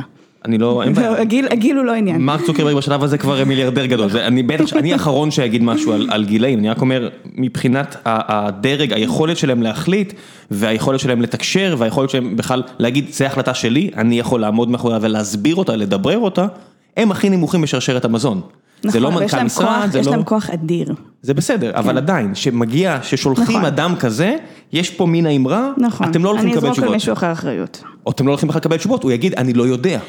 אז זהו, הם מגיעים, ובהתחלה מגיעים מעט מהם, ככל ש... מה ש... בעצם השיטה שלי בוועדת כספים כדי להבין מה קורה שם הייתה לפרק כל העברה תקציבית כזאת ולשאול עליה כמה עשרות שאלות. אה, לפעמים זה היה שאלות שחזרו על עצמן, כלומר אה, שאלות מהסוג שאתה שאלת קודם, למה מעבירים את זה, מה, מה הכסף הזה עשה קודם, מה קרה לו בשנה שעברה, לאט לאט אה, הבנתי שמתוך השאלות האלה אני מתחילה לחשוף אמיתות שונות ומעניינות על מה, על איך עובד התקציב. וזה עלה מתוך התשובות של הפקידים. בהתחלה זה היה, אלה היו רמיזות, ותוך כמה חודשים כבר התחלנו לחשוף סיפורי שחיתות מאוד מאוד קשים בתקציב. אה, דברים שבאמת קשה להאמין שככה מתנהלים. אחד הראשונים שבהם היה, זו הייתה העברה של אה, בערך 40 מיליון שקל, למשהו שהיה נקרא, בהתחלה פקידים אמרו שהוא מענק ביטחוני ליהודה ושומרון. עכשיו מענק ביטחוני זה משהו שבדרך כלל הוא קונצנזוס בין הח"כים, גם האופוזיציה וגם הקואליציה, תומכת בביטחון, ברגע שאומרים לח"כים ביטחון, כולם אה, מתיישרים. אני בכל זאת שאלתי עוד שאלה, ושאלתי למה מענק ביטחוני עובר אה, דרך מענק לרשויות ביהודה ושומרון ולא דרך אה, משרד הביטחון. כלומר, יש אחריות למישהו על הביטחון. לא, מה, למה, למה אתה בכלל מבין? מה, מה הם ביקשו שלא קורה? מה, ו, מה, תסביר לי מה קורה. לי, אה, זה מענק, זה, זה לא בדיוק מענק ביטחוני, זה פיצוי לרשויות המקומיות ביהודה ושומרון על הקפאת בנייה. שאלתי אותם מה, איזה הקפאת בנייה? אין הקפאת בנייה. וגם למה מגיע פיצוי? אם אם אתה לא יכול לבנות, למה שאני אפצה אותך? בדיוק. מה זה אומר פיצוי על הקפאת בנייה? הלכתי, ניסיתי להבין, להיזכר מתי הייתה הקפאת בנייה, היא הייתה חמש שנים קודם לכן, ב-2009, הייתה הקפאת בנייה של עשרה חודשים. ואז שאלתי את האוצר שוב, אז מה בדיוק אתם מעבירים? אז הם אמרו לי, אה, עוד לפני כן הסתכלתי בהיסטוריה התקציבית וראיתי שכל שנה מעבירים את ה-40 מיליון שקל לרשויות ביו"ש. שכל פעם מוצאים, כל שנה. אה, רגע, אז רק שבואו נשים דברים על השולחן, כל פעם מעבירים, הכנסת מעבירה תקציב, שהיה להם שבע שעות להסתכל עליו, איפשהו בתקציב יש 40 מיליון שקל שאמרו, אה, האמת לא צריך את 40 מיליון שקל האלה, בואו נעביר אותם ליהודה ושומרון כמענק ביטחוני, כל שנה מחדש מישהו עושה טעות במקרה של 40 מיליון שקל שמתקנים אותה בהצבעה אחרי החקיקה, אוקיי הנה אנחנו כמו במרקו, והנה אנחנו עכשיו על הספינה והוא אוכל לחם וקופיקו לידו. אה, שזכור לי תמיד עם מרקו. דימויים, שיר. ופעם חמישית ברציפות, 40 מיליון שקל האלה עוברים, ואת שואלת למה. נכון, עכשיו אף אחד כמובן לא טרח להגיד לוועדה שזה עובר פעם חמישית ברצף. כן, זה, זה מידע שהייתי צריכה ללכת לחפש בעצמי. אף אחד לא טרח להגיד שזה לא מענק ביטחוני בכלל. הם אמרו את זה רק אחרי ששאלתי כמה שאלות, הם אמרו, הם הודו שזה לא מענק ביטחוני. זה מענק על הקפאת בנייה. מה זה מענק ביטחוני? מה זה בכלל אומר מענק ביטחוני? את אומרת זה לא מענק ביטחוני, מה זה כן מענק ביטחוני? אפשר למצוא לזה כל מיני, כל מיני אה, דוגמאות למה יכול להיות מענק ביטחוני, צריך נגיד להגביר אבטחה פרטית, יש כל מיני דברים. למה צריך להגביר אבטחה נכון, פרטית? נכון, אפשר לשאול על זה גם למה. למה, למה יש, נגיד המתנחלים בסילואן, אה, אה, בירושלים, יש להם חברת אבטחה פרטית, והם לא, לא נעזרים בשירותי המשטרה או צה"ל. מה זה וגנר? למה, למה צריך אבטחה פרטית? אז הם מעבירים את זה במקום אחר, אבל, אבל, אוקיי, חזרתי, אבל זה אפילו מצטער. לא מענק ביטחוני, אוקיי. זה לא. מה שזה היה, ואז זאת הייתה התשובה הכי מדהימה ששמעתי מאיזשהו פקיד אי פעם, הוא אומר לי, זה לא ממש מענק ביטחוני, זה פיצוי לרשויות ביו"ש. על הארנונה שהן לא יכולות לגבות מהבתים שהם לא יכלו לבנות בזמן הקפאת בנייה ב-2009. כי הם תכננו תקציב עשר שנים קדימה ואמרו אנחנו נבנה בהתבסס על כך שיהיה לנו עוד יחידות דיור והנה המדינה אמרה להם אתם לא יכולים לבנות יחידות דיור. לא, אז... זה, לא, זה ארנונה, לא לבנות. כן, כן, אמרתי, יחידת דיור שואה בסוף ארנונה, אה, ועסקים וכו', אז הנה פיצוי. נגיד, אם היו עושים את זה ככה, הייתי אומר, ומתי אתה הולך לתכנן אחרת? לא, עזוב, איזה רשות, בוא נחשוב כמה חסמי בנייה יש בישראל, ברשויות מקומיות בתוך שטחי ישראל. אה, שעליהם הרשויות המקומיות לא מקבלות פיצוי על זה שהחסם, איזשהו חסם שבגללו לא יכלו לבנות ואז הם לא יכלו לגבות ארנונה מהבתים שהם לא בנו. עזבי, יש לך פה את אלף ואחד דברים כמו ערד ונאות הכיכר, שאת יודעת על ארבעה וחצי אה, מושבניקים שאני אוהב בחלק מהם אה, אהבת נפש, אם אתם מאזינים אתם יודעים מי אתם, ומצד שני יש לך את ערד, שאיך יכולים להגיד, אנחנו לא מקבלים ארנונה, אז המדינה לא מפצה אותם, זאת אומרת, תסתדרו. הכי הזוי ששמעת, באמת, ואז זה לא נגמר שם. אז הם אומרים את כל הדבר הזה לוועדת כספים. ועדת כספים עדיין, אותם רפרנטים? פקיד באוצר, פקיד באוצר אומר את זה. ועדת כספים עדיין מצביעה ברוב בעד הדבר הזה. אחרי שהיא שמעה את העובדות. מותר לשאול למה? למה אתה מפצה נגיד אותם ולא את כל הרשויות האחרות? ברור שאני שאלתי למה, אז אמרו, זה, מה, מה התשובות שהם אומרים, אפשר לקרוא את זה גם בפרוטוקולים. אה, זורקים בדרך כלל תשובות של זה עניין של אה, מקבלי ההחלטות, זה קובעי? המדיניות. את מחוקקת. אז הם אומרים הכנסת, נכון, ואז אומרים הכנסת, אז אני אומרת נכון, אז בואו נקבל החלטה שהיא לא ככה. אה, מי? תן שמות. אבל הקואליציה מצביעה תמיד באופן קבוע לפי מה שהממשלה רוצה. מי זה הממשלה? זה ראש הממשלה. נכון, נכון. אין היום, אין באמת? כבר המון שנים שאין באמת ממשלה. יש בעם אחד שמחליט, נכון? אבל אבל מה שאת אומרת, אני מוכן להתערב שגם, את הגעת ב-2012? 13. 13, אוקיי. בין 85 אמרנו, אוקיי, היה צריך להתערב, לבין אה, 13 את מגיע. אה, ביבי לא ראש ממשלה תמיד, היה שם תקופות של רבין ואהוד ברק ו- ושמיר, אני מוכן להתערב שאותם דברים רצו גם אז. אני הסתכלתי על פרוטוקולים, נגיד של ועדת כספים משנות ה... אה, תחילת שנות האלפיים. ואתה באמת רואה, זה אחד, שם, שם גם הבנתי איך השיטה הזאת עובדת. אה, אתה רואה שח"כים יושבים שם ומדברים על אה, כמה שווה כל ח"כ, כמה שווה אצבע של ח"כ בוועדת כספים. אה, בין, אה, עשרות, בין מיליונים בודדים לחבר אופוזיציה לעשרות מיליונים לחבר קואליציה. מבחינת כמה הוא יכול אה, בעצם לעשות שם, להכניס את. האינטרסים שלו, כן, בתוך העברות תקציביות. כלומר, השיטה הזאת בתוך ועדת כספים הייתה ידועה. ביבי, כשהיה שר אוצר, חלק מאותם, מהפקידים הבכירים היום באוצר, גדלו בעצם תחתיו, כשהיו קצת יותר זוטרים במשרד האוצר. היום, הדבר, התהליך הזה שדיברת עליו, סימנת אותו כ... כאילו ההתחלה שלו הייתה ב-85, זה נכון במידה, אבל התהליך הזה של חוסר האמון של אה, משרד האוצר בעצם בשרי הממשלה, יש, יש גם סיבות לחוסר האמון הזה, אני לא אומרת שלא, ברור, אה, הביא לזה שהאוצר הפך להיות מונופול אימתני על כל קבלת ההחלטות בממשלה. כלומר היום החלטה על, קח דוגמה ממש מעולם אחר, כמה תקנים צריך למטפל באנשים עם אוטיזם במוסד, בהוסטל לאוטיסטים. כמה תקנים צריך? היום התקן עומד על מטפל אחד על ארבעה אנשים. ארבעה אנשים עם אוטיזם, אה, נגיד ברמה בינונית, מאוד מאוד קשה, מאוד קשה, קשה עד בלתי אפשרי לבן אדם אחד אה, לטפל, לטפל, להיות המדריך שלהם, לטפל. אחד לאחד זה קשה. אחד לאחד זה קשה, נכון? למי ש- אחד לארבעה, כן, חווה את זה יודע כמה אחד לאחד זה אתגר עצום מנטלי ו- ופיזי הרבה פעמים, נכון. זה קשה. אחד לארבע, עכשיו דמיין ארבעה. כן, אין אין מה לעשות, בסוף אבל יש שיקולים, אני רק, אבל מי אני- קבע, אבל מי קבע את התקן הזה? מי קבע אותו? האם קבעו אותו אנשי מקצוע במשרד הרווחה, אחרי שעשו אה, מחקר והבינו מה נכון ואיך אפשר להתמודד? לא.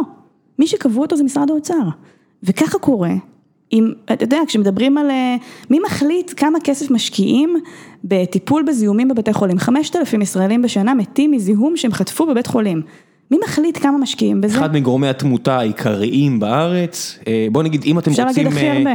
KPI, Key Performance Indicator מעניין לטיבה של מערכת אה, בריאות, מספר מיטות פר נפש, רמז רמז, הוא לא הדרך הכי טובה לאמוד את טיב מערכת הבריאות, נכון. מצד שני, הסניטריה, אותו גורם עלום שהרג כל כך הרבה אנשים בהיסטוריה שהבינו שצריך לשמור על ניקיון, ובארץ עדיין ממית אלפי אנשים. אני, אני, אני מספר את זה ואין לי בעיה, פעם שנייה כבר אספר את זה, שאני נפצעתי בצה"ל, אה, אשפזו אותי בתל השומר, ושאלו אותי אם אני רוצים להעביר אותי אחרי הניתוח או לפני הניתוח אה, לסורוקה, כי המשפחה שלי באר שבעית. אמרתי, לא, אני לא רוצה למות מזיהום. ואמרתי את זה כי אמא שלי רופאה בבאר שבע כבר המון המון המון שנים, ואני לא מתבייש להגיד, כן, זה בית חולים פחות טוב, יש סיבה שאנשים בדרום חיים פחות שנים מאשר אנשים באזור המרכז, אלה עובדות, תבדקו. מה זה פחות טוב? יש שם רופאים מצוינים. לא, אמרתי בית החולים, לא, אמא שלי רופאה שם, הייתה רופאה, עדיין רופאה באזור, לא בסורוק, אבל אין לי בעיה, אני לא אומר את זה, אני רק אומר, המוסד עצמו הוא פחות טוב מתל השומר, ואם תסתכלו על, על כמות האנשים שמתים מזיהומים, תבדקו דברים, מה שאת אומרת יש לו משמעות אבל מאוד כבדה. סניטריה כן קשורה בכמות מיטות. בוודאי. כלומר, כן, כש- זה גם כשיש קשור, מעט אבל- מדי רופאים ואחיות וצוותים רפואיים על יותר מדי חולים, אז אין להם זמן לפעמים לשטוף ידיים בין לבין. כן. הכל בסדר, אבל כשאתה עושה ניהול מוצר טוב, אתה אומר, אוקיי, מה המספר שאני רוצה להוריד, אני לא, המספר מיטות הוא פרוקסי למשהו אחר, הוא לא באמת אה, מעיד על, על, מה שאני רוצה להוריד זה נגיד מספר האנשים שמתים מזיהומים, זה, אה, אם עכשיו מישהו יגיד, תוכנית חומש, אני מוריד את זה מ-5,000 ל-3,000, מזה ייגזרו דברים אחרים, כמו נגיד, אם צריך להוסיף מספר מיטות, או להוריד את לא, שהות האנשים בבית החולים, אם מתמחים. עובדים 26 שעות במשמרת, גם. עייפות כן. היא היא דבר שבסוף מונע ממך לפעמים לעשות דברים, כשאתה חושב, כשאתה כל כך עייף בשעות האחרונות של המשמרת, ואתה חושב בין לטפל במטופל ולאמץ את ה- את הראש שלך כדי לטפל בו כמו שצריך ולקבל החלטות נכונות, לבין ללכת לרחוץ ידיים ולעשות את החלקים במרכאות טקסיים, נורא נורא חשובים, כמובן. אז אתה בסוף בוחר בדבר שבו אבל אפילו, אבל, אבל אפילו בצה"ל העלו משש לשבע שעות את שעות השנה, אני קראתי על זה לאחרונה, לא משנה, הנקודה היא שזה הכל אנקדוטות. זה מאוד עצבן אותי, כי תמיד כשאני ישנה שש שעות, אני מרגישה שעשיתי, בדרך כלל ישנה פחות. מטכלי. כשאני ישנה שש שעות, אני אומרת, מצוין, זה שעות מטכליות, זה בסדר, זה מה שצריך. צריך שבע שעות וארבעים דקות, אני לא חושב. וככה אני מנקה את המצפון שלי על החוסר שעות שינה. שטויות. כן, מי שחושב שהוא מסתדר טוב עם פחות שעות שינה, הוא פשוט לא מגשים את הפוטנציאל שלו, זה הכל. אה, פה אני אחלוק עליך. בסדר, אבל בוא נסגור את הסוגריים. וכן, יש הרבה אנשים היפר הישגים. כמה שעות אתה ישן בלילה? לא מספיק, אבל אני יודע. כמה אתה ישן? חכה, נסגור סוגריים האלה, אנחנו נחזור, אני מבטיח. אני רק אומר, אם מסמנים משהו בתור היעד, שזה מספר אנשים שמתים מזיהומים, הרבה יגיע מזה. זה יכול להיות כמות השעות, זה יכול להיות מספר המיטות, הרבה דברים. אבל אם מתרכזים בכל אחד מהדברים שהם לא המטרה העליונה, אתה כבר שכחת את המטרה העליונה ואתה מתרכז כבר לא בעיקר, אתה מתרכז כבר ב execution ולא באסטרטגיה, אוקיי? בביצוע ולא מה שאתה מנסה לבצע. וזה קורה גם עם התקציב. אם אתה רב על ה... ניקס, על על השטויות, אתה שוכח את את, את המטרה שבה באנו, שזה למצוא את את השימוש האופטימלי בכספי המיסים, וכספי, נכון. לא, זה לא מיסים. אבל לא סיפרנו את סוף הסיפור על על הכסף ליו"ש. כן.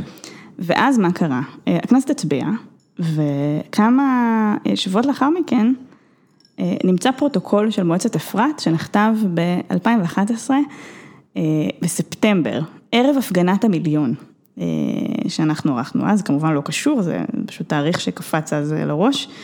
אה, ובפרוטוקול הזה הוא נפתח, זו ישיבת מועצה, אגב, אה, בזמנו נפתלי בנט היה, עמד בראש מועצת יש"ע, איילת שקד הייתה בראש ישראל שלי, שזה ארגון בת כזה של מועצת יש"ע. ואז בפרוטוקול, הפרוטוקול מתחיל במשפט, דוד אולי תכבה את ההקלטה. כל החלטה טובה נפתחת ב, אחי בוא נעשה את זה במחשכים. ודוד לא מכבה את ההקלטה, ואז הפרוטוקול ממשיך ומסופר שם שהכסף הזה, אה, שיש איזושהי העברה שמגיעה כאילו מענק ביטחוני, מענק הקפאת בנייה, ממש קוראים לזה ככה בשני השמות, אה, והיא רק עוברת דרך רשויות ביו"ש, היעד האמיתי שלה הוא להגיע לעמותת מועצת יש"ע.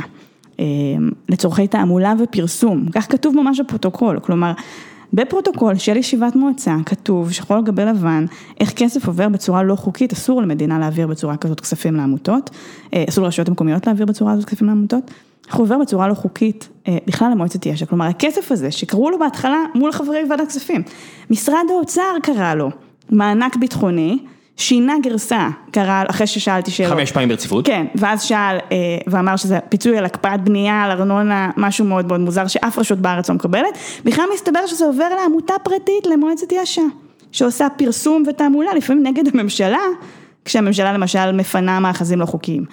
אה, ומבקר המדינה כמה שנים אחר כך כתב על זה, וקרא לזה העברה סיבובית, שזה מושג מאוד מאוד חביב, כדי לדבר בעצם על כסף שיצא מהכיס שלך ושלי, עבר, חשבנו, אם, אם מישהו היה קורא את תקציב המדינה, הוא בכלל לא היה מוצא את הכסף הזה.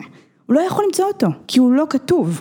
אז אחר לא כך כשאתה שואל אותי, כן. כן, אז כשאתה שואל אותי מה באמת אנחנו רואים בתקציב, אז אני אומרת, אני מצטער, התקציב הזה הוא קצת בולשיט. כי, כן. כי אנחנו לא באמת רואים את הכספים ש, כן. שעוברים. שמישהו יגיד, אבל זה רק, אה, את יודעת, בגג הגיע ל-200, 250 מיליון שקל על כל השנים מתוך 350 מיליארד, מה קרה כן, כבר? כן, מה קרה, על מה את מתלוננת? אבל האמת שזה ככה, בכל כך הרבה סעיפים, שבסוף זה מגיע, סך ההעברות התקציביות בשנה, עובר את ה-65 מיליארד שקלים. אז רגע, בואו, הנה אני אגיד לך מה מפריע לי. שאנשי משרד האוצר והאנשים המגנים עליהם מפנייך, מפני כל המחוקקים הרשעים, מציירים את זה בתור אה, מונרכיה חכמה. יש את, יש את הביטוי הזה שעדיף מלך חכם על דמוקרטיה רע, והכל סבבה אילו היה אה, מלך חכם שמשרת איזושהי מטרה. אבל אם הרבה מהדבר... חכם ועם לב. הכל בסדר, כן. אני גם חכם הייתי לוקח, אבל, ולא שהם טיפשים, פשוט העובדה שלא נותנים להם לעשות את העבודה שלהם. Mm. אני אומר, אם השיקולים הם זרים, הם אומרים, אני מצטער, אני לא רציתי לעשות את זה, אבל ראש הממשלה מכריח אותי, או השיקולים הקואליציוניים מכריחים אותי, זה בעצם אומר שהמונרך, מי ששולט, זה אפילו לא משרד האוצר, מסובבים את כל הסיפור הזה בתור אתם, המחוקקים, נגד משרד האוצר, משרד האוצר מנסה להגן על התקציב, זה האתוס שלו, מאז 85, אנחנו מגנים על ישראל מפשטת רגל, המחוקקים אומרים, אנחנו רוצים לייצג את הציבור של שלח אותנו לכנסת, אבל בפועל זה לא זה ולא זה. זה מישהו, מישהו מעל משרד האוצר אה, שולח אותו לסובב את היד שלכם. נכון, אז, אז יש פה משהו שהוא, אפשר לדבר על כמה דברים ממה שאמרת. אחד, מה זה הפשיטת רגל הזאת שהם מגינים עלינו מפניה. אני, אה, באידיאולוגית, אני בעד אה, של המדינה, שהמדינה תספק שירותים חברתיים הכי איכותיים שיש לציבור, שתצמצם פערים כחלק מהמדיניות שלה. אה, וליד זה אני מאמינה שהתקציב צריך להיות יעיל, ולא הייתי רוצה ששקל אחד יתבזבז לחינם. עכשיו, אם תשאל אותי היום, אני חושבת שצריך להעלות מיסים למשל. אני אגיד לך, האמת שאני לא יודעת, בגלל שהתקציב היום הוא כל כך לא יעיל, שאני לא חושבת שכרגע צריך להעלות מס, אני חושבת שאפשר בתוך התקציב למצוא סכומים של עשרות מיליארדי שקלים, שניתן להשתמש בהם בצורה יותר חכמה, ואחרי שתשתמש בהם בצורה חכמה, אז אפשר לדבר גם על העלאת מיסים, אם צריך, אולי הורדת מיסים. כן. כלומר, כל הדיון הזה, לפעמים בין ימין ושמאל, תעלו מיסים, תורידו מיסים, הוא לפעמים דיון עקר לחלוטין, כי התקציב עצמו לא מנוצל כהלכה. כן, לכו תסתכלו, כאילו זה, זה, זה, זה זורקים אבן ואומרים, אה, תריבו ביניכם פזנס, בזמן שאנחנו ממש. עושים הכל, וזה קורה בכל אחד, את אמרת משרד החינוך, גם במשרד הבריאות, ותכף ייפתח אחרי עשר שנים ההסכם אה, של השכר עם הרופאים, וכמות גנבות הדעת, אחרי השנה הזאת של הקורונה וכל הדברים שהולכת לפגוע, שאף אחד לא הולך לדבר על הדברים העיקריים של מה אתם רוצים להשיג עם הכסף הזה. זאת אומרת, עזבו משכורות, משכורות זה אמצעי למטרה. משכורות זה אולי להביא רופאים יותר טובים, כי ככה וככה, לא, איך אתה נמדד, על מה אתה הולך להימדד, כדי שאני אדע אם ההקצאת כסף אתה יודע טובה או לא. הכמות של החוסר יעילות היא היא, היא, היא מעוורת. אבל זה יותר מחוסר יעילות, יש שם חוסר כוונה בכלל לקבל מידע, וזה הדבר הכי מדהים ש, שגיליתי לגבי איך שמתנהלת הממשלה.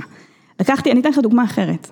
ישבתי בוועדת שקיפות, הזמנתי, אני עבדתי על החוק אה, שכירות הוגנת. שהמטרה שלו הייתה אה, ליצור מערכת יחסים טובה יותר בין שוכר למשכיר, ולהוריד במשהו את מחירי השכירות, לייצר יציבות לשוכרים, לאפשר פה שכירות ארוכת טווח. ישבתי בוועדה וזימנתי, משרד האוצר מאוד התנגד לחוק. שוב, משרד האוצר, כן? אתה חושב שמי שיתעסק בזה זה לא משרד האוצר, אלא המשרדים האמונים לת... על התחום הזה, משרדים מקצועיים, ומשרד האוצר מתעסק בזה. אז הבאתי, אז זימנתי את משרד האוצר לוועדה וזימנתי גם את בנק ישראל ואת אה, נציג הלמ"ס.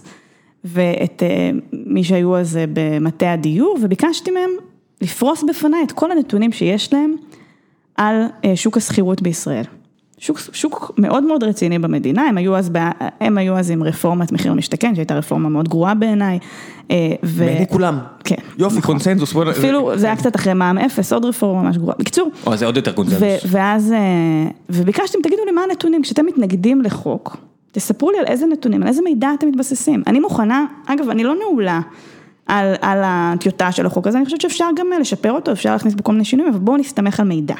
מגיעה נציגת האוצר, רפרנטית באוצר, היא אומרת, אה, תשמעי, אנחנו עשינו סקר בפייסבוק לפני שנה וחצי, על מה האורך של חוזה שכירות, סקר בפייסבוק, כן?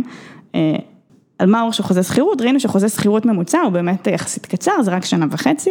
מידע שאמור להיות זמין לגמרי, זאת אומרת, כן. כל חוזה נחתם, הרי מס הכנסה אמור לדעת על כל אה, חוזה שנחתם. חכה, חכה, חכה, נגיע לרשות המיסים עוד כן. אה, הגיעה, באמת רשות המיסים חשפה בפנינו. פתחתי סוגריים, מצטער, תחזרי, מצטער. לא, רשות כן. המיסים חשפה שם באמת מידע שהיה מטורף, הרי יש מס על השכרת דירות, מעל 5,000 שקל. אה, אז שאלתי אותם, מכמה משכירי דירות גביתם את המס? כמה זה מביא בשנה, כי נגיד, נגיד זה מס שאפשר לדון בו אם צריך אותו או לא צריך אותו. או להגדיל אותו או להקטין אותו, כן. בדיוק, אבל קודם תגידו לי כמה גביתם. אז אמרו, תשמעי, עשינו שנה שעברה בדיקה וגילינו ש-87% ממי אה, שהיו חייבים במס לא שילמו אותו.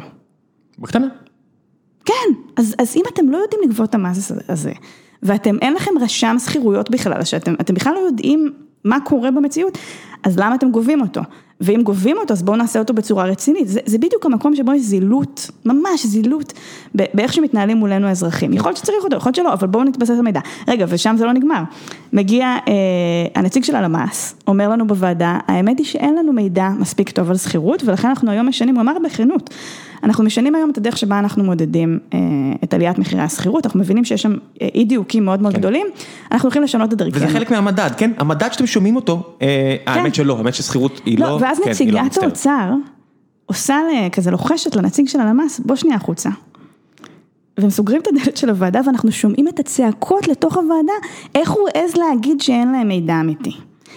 ואז נציג בנק ישראל יושב בוועדה, זה נשמע כמו מחזה, אני יודעת, זה נשמע לא, כמו, לא, אני זה- אומר, ואי לא. אפשר להאמין שככה דברים מתנהלים. נציג בנק ישראל אומר, כשאני שואלת אותו, אבל איזה מידע בנק ישראל מסתמך? הוא אומר, אנחנו לא בדקנו ממש את הנושא, אבל יש לי שתי בנות שגרות בשכירות. כלומר, יושבים נציגי, לא מדוב, ו- ומדובר באנשים מאוד חכמים, מאוד מוכשרים, באמת. כן.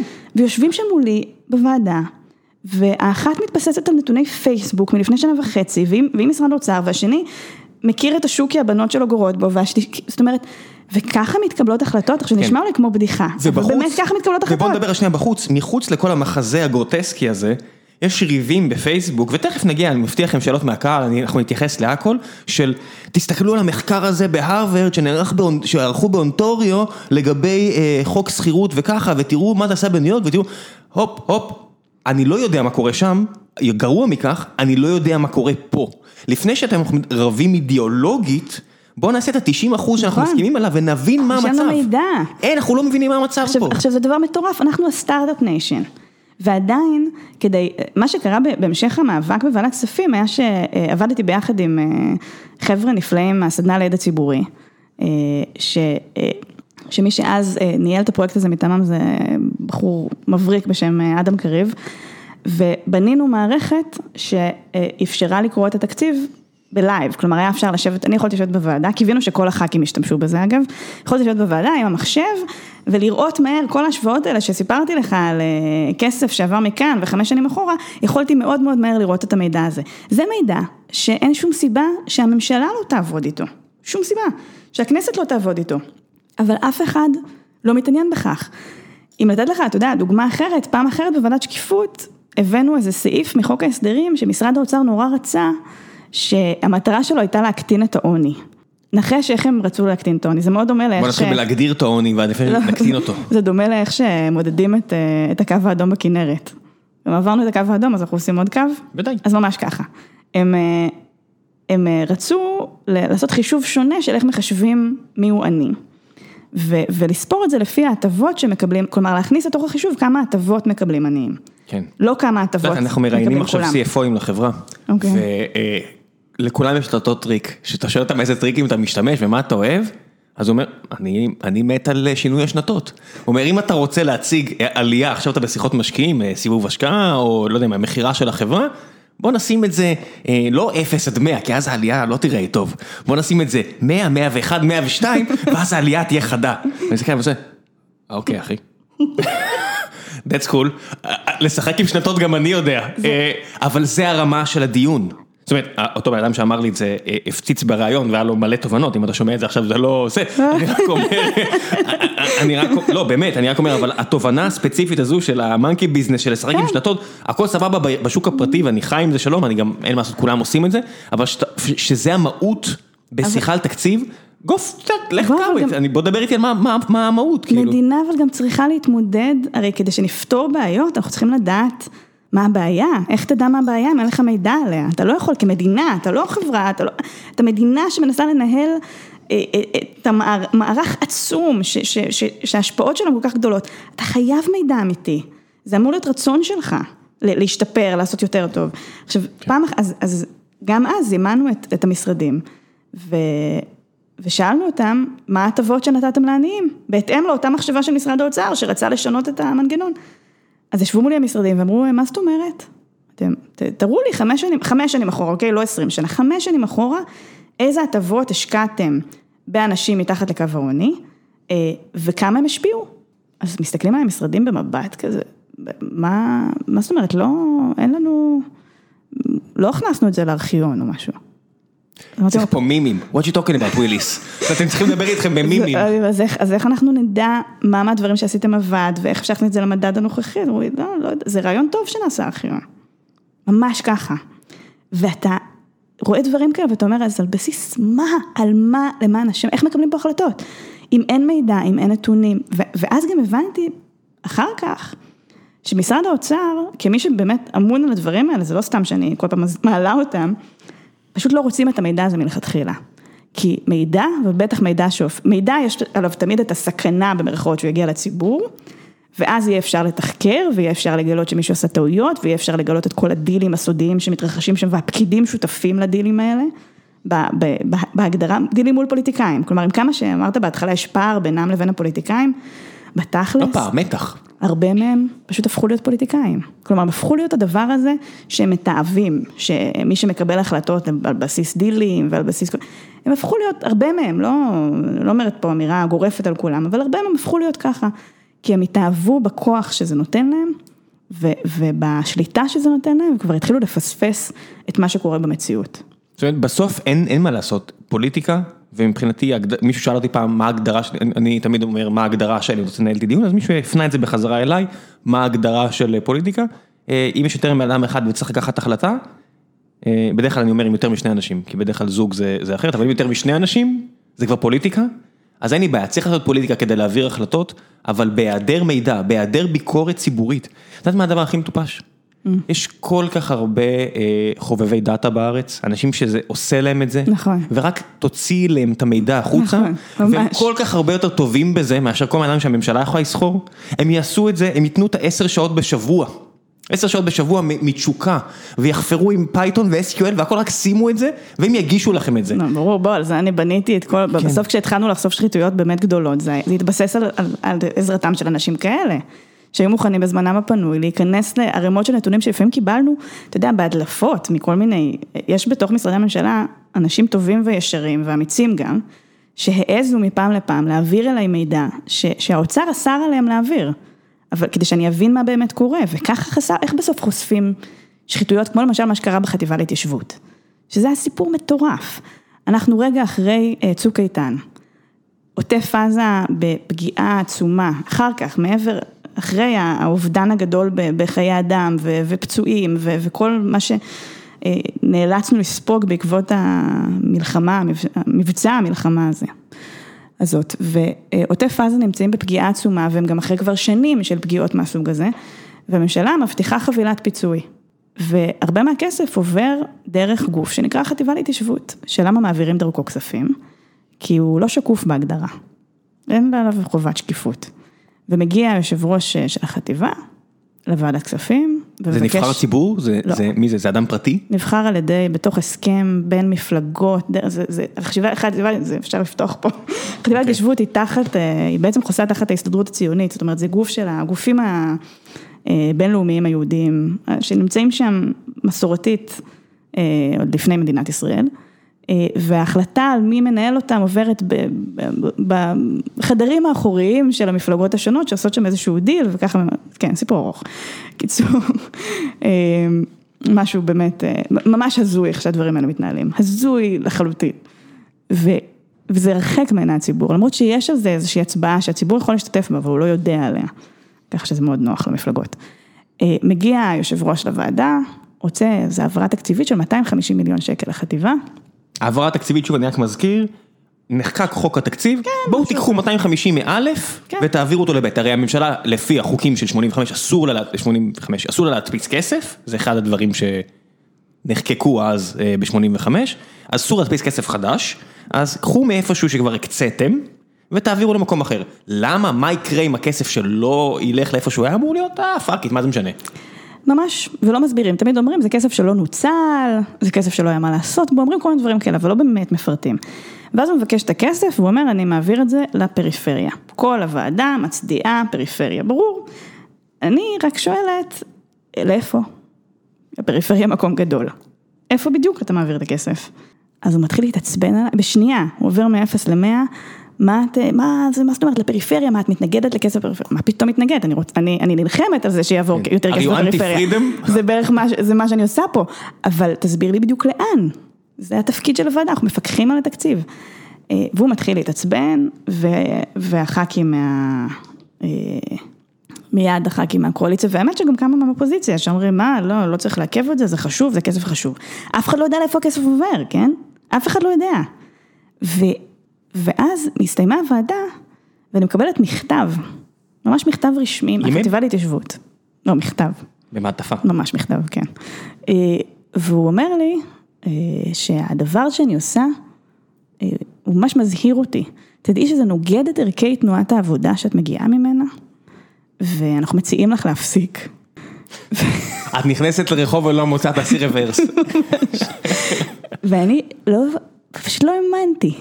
ואז חוזרים לוועדה ואני ממשיכה לשאול שאלות, כי זה רק כמובן גרם לי להיות יותר סקרנית לגבי מה קורה עם הכסף. ו... ו- ואני מבינה שהחטיבה להתיישבות עושה תחת איזושהי הגדרה חוקית שמאפשר, היא לא גוף ממשלתי והיא לא גוף לא ממשלתי, משהו שם מאוד באמצע, והיא יכולה לעשות מה שהיא רוצה עם הכסף וגם לא לדווח לציבור מה היא עושה בו. ואת המידע האמיתי אנחנו מקבלים בסוף בזכות זה שמישהו באוצר הצליח לשחרר בדרכים עקיפות את המידע לאותה שנה, על מה שהחטיבה להתיישבות עשתה בכסף, כלומר זה לא מגיע מוועדת כספים. ובתחקיר מאוד מעמיק שעשו על זה גם מכון מולד וגם הסדנה לידע ציבורי וחבר'ה בתוך הלשכה שלי והרבה מאוד מתנדבים, אנחנו מתחילים לפצח מה קורה שם לאט לאט עם הכסף הזה ומבינים שמתוך מיליארד שקלים שהיא קיבלה בתוספות תקציביות באותה שנה, היא מעבירה 75% להתנחלויות. זה הכסף של, של עוטף עזה, כן? זה הכסף שהם אמורים לקבל אחרי צוק איתן. 75% הגיע להתנחלויות. וביתר היא מחלקת בין הרשות, אבל חלק היא מעבירה גם כמה עשרות מיליוני שקלים לשורה של עמותות פרטיות שנקראות גרעינים תורניים, והם פועלים במרכזי הערים, לא ממש בפריפריה. יש גרעין כזה ברמת אביב ג' בתל אביב, גרעין כזה שנמצא ברחוב ברנר במרכז תל אביב, הרצליה, קריית אונו, כלומר... פריפריה. ממש, כן, הפריפריה של, לא יודעת מה, של איילון. ו... והגרעינים האלה, מה הם עושים ולמה הם מקבלים כסף שאמרו לי שהוא כסף לפריפריה? הם מקבלים אותו כי הם עושים עבודה שמה שנקראת בבית היהודי קראו לה התנחלות בלבבות. הם מנסים להביא את הרוח האידיאולוגית של ההתנחלויות לתוך לב המיינסטרים במרכז הארץ, הם נכנסים לעשות כל מיני פעילויות בבתי ספר, בגני ילדים, פעילויות חלקן מיסיונריות ממש, חלקן יותר פוליטיות, כלומר מעגלי תמיכה, אז זה היה במפלגת הבית היהודי. קיצור, או מה שהיום הפכה להיות ימינה. וזו המפלגה ש...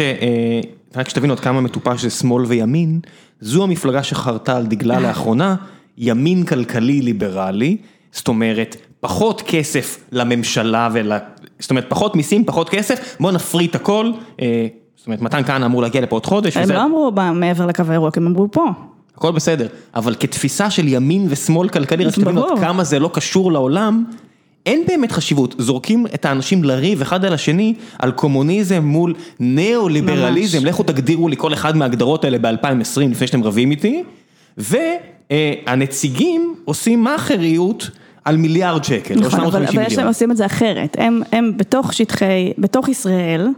הם מבחינתם הפרטה מלאה, ניאו-ליברליזם מוחלט. לא נכון, אני לא קונה את זה. כי... חוץ מאצל אנשים שלהם, לא, חוץ מהמקורבים. לא, לא, לא, כי רולניק עשה לי טובה גדולה לפני הפרק עם מתן כהנא ופרסם, הוא סוף סוף הפסיק להתעסק בפייסבוק וחזר להתעסק במה שאני אוהב שהוא מתעסק בו, אה, מצטער אם אתה מאזין, אה, והוא עשה בטור האחרון שלו, אה, אותו מתן כהנא שיגיע עוד מעט, העניין הזה שהוא הגיע ואמר פנסיה תקציבית זה בעייתי.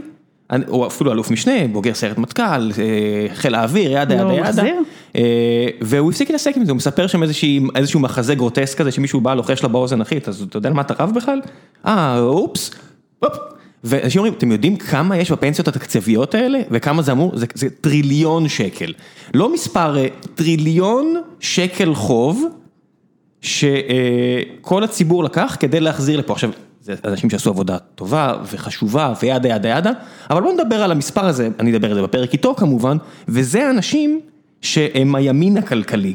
לא, עזוב, אתה יודע, אגב לגבי פנסיות תקציביות, שבאמת טוב שזה, שזה כבר עבר מהעולם ואין את זה יותר, אבל אה, הדבר... זה בשם אחר, זה בשם אחר. לא, אבל הדבר המדהים הוא, שאנשים כאלה, כמו מתן כהנא ואחרים, החוק, החוק הראשון שצריך להעביר, זה חוק שאומר שמי שמרוויח בין אם הוא מרוויח את זה, את הכסף הזה מהמדינה, כמו חברי כנסת שהם יוצאי צבא, או אנשים שעובדים בתוך משרד ממשלה, ובין אם הוא מרוויח אותו מגורם פרטי, הוא מרוויח מעל סכום מסוים, נוסף על הפנסיה התקציבית, שהסכום הזה פנסיה של 40 אלף בחודש, פלוס אה, עוד שכר של 40 אלף שקל, אז שם עושים את החיתוך ומורידים, את ה, ומורידים מהפנסיה, זה הדבר הראשון שצריך להעביר, כלומר שלא יהיה כפל.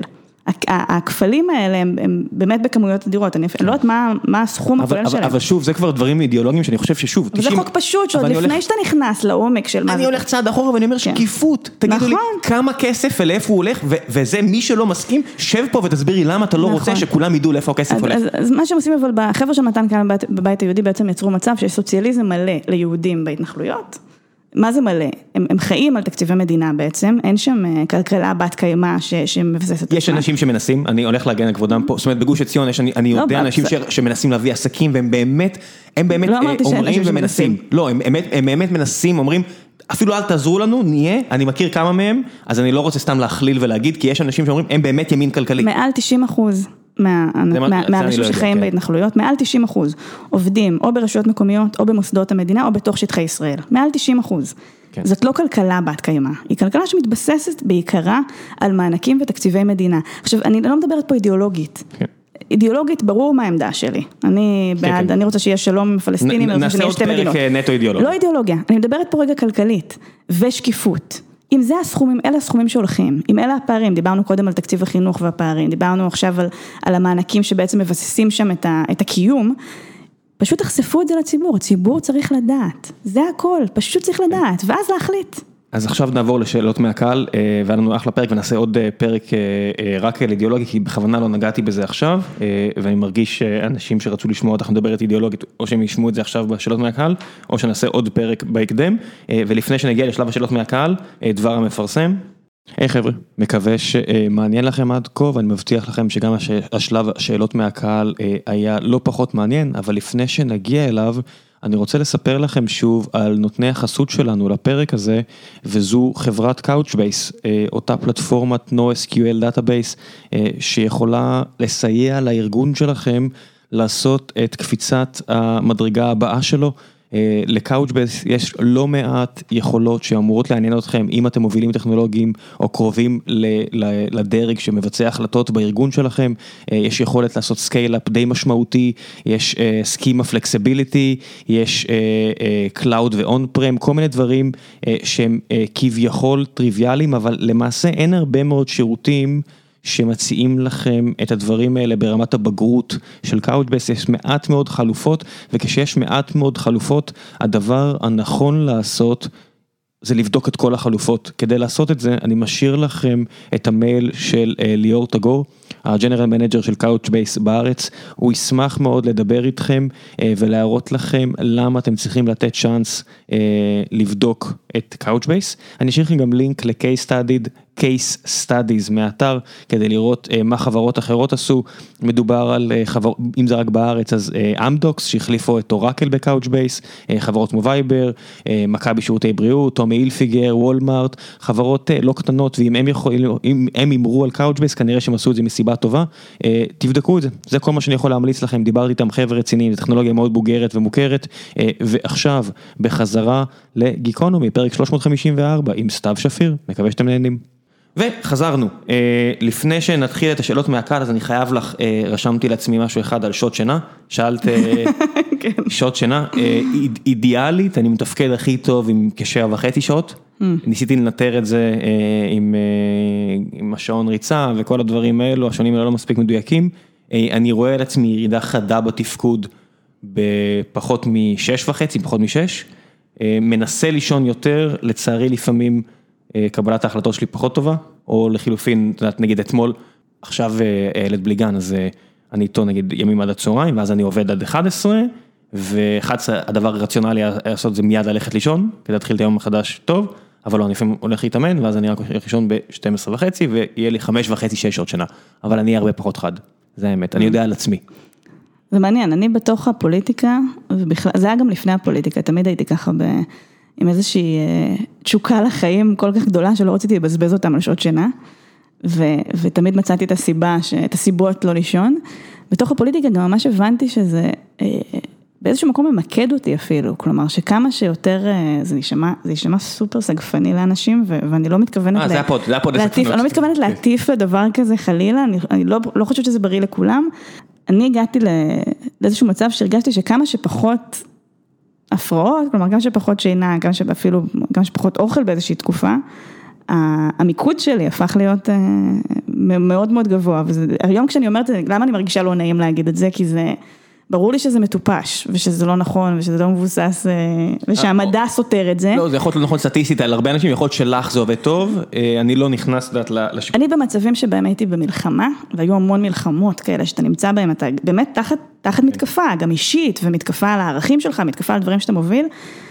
ככל הרגשתי שאני פחות מתעסקת בדברים של היום יום, ככה אני יותר חדה, וזה הפך להיות הרגל לאיזשהם תקופות. היום אני בתהליך של אה, לנסות ממש להתרגל לאורח חיים בריא וכל הדברים האלה, ואני ממש בלמידה של זה. כן, היו אנשים שחיו ככה, אני תמיד, מאזיני הפוד יודעים בשנה האחרונה שאני תמיד חוזר לנפוליאון, והוא חי ככה, רואים את זה בכל הביוגרפיות והאוטוביוגרפיות עליו.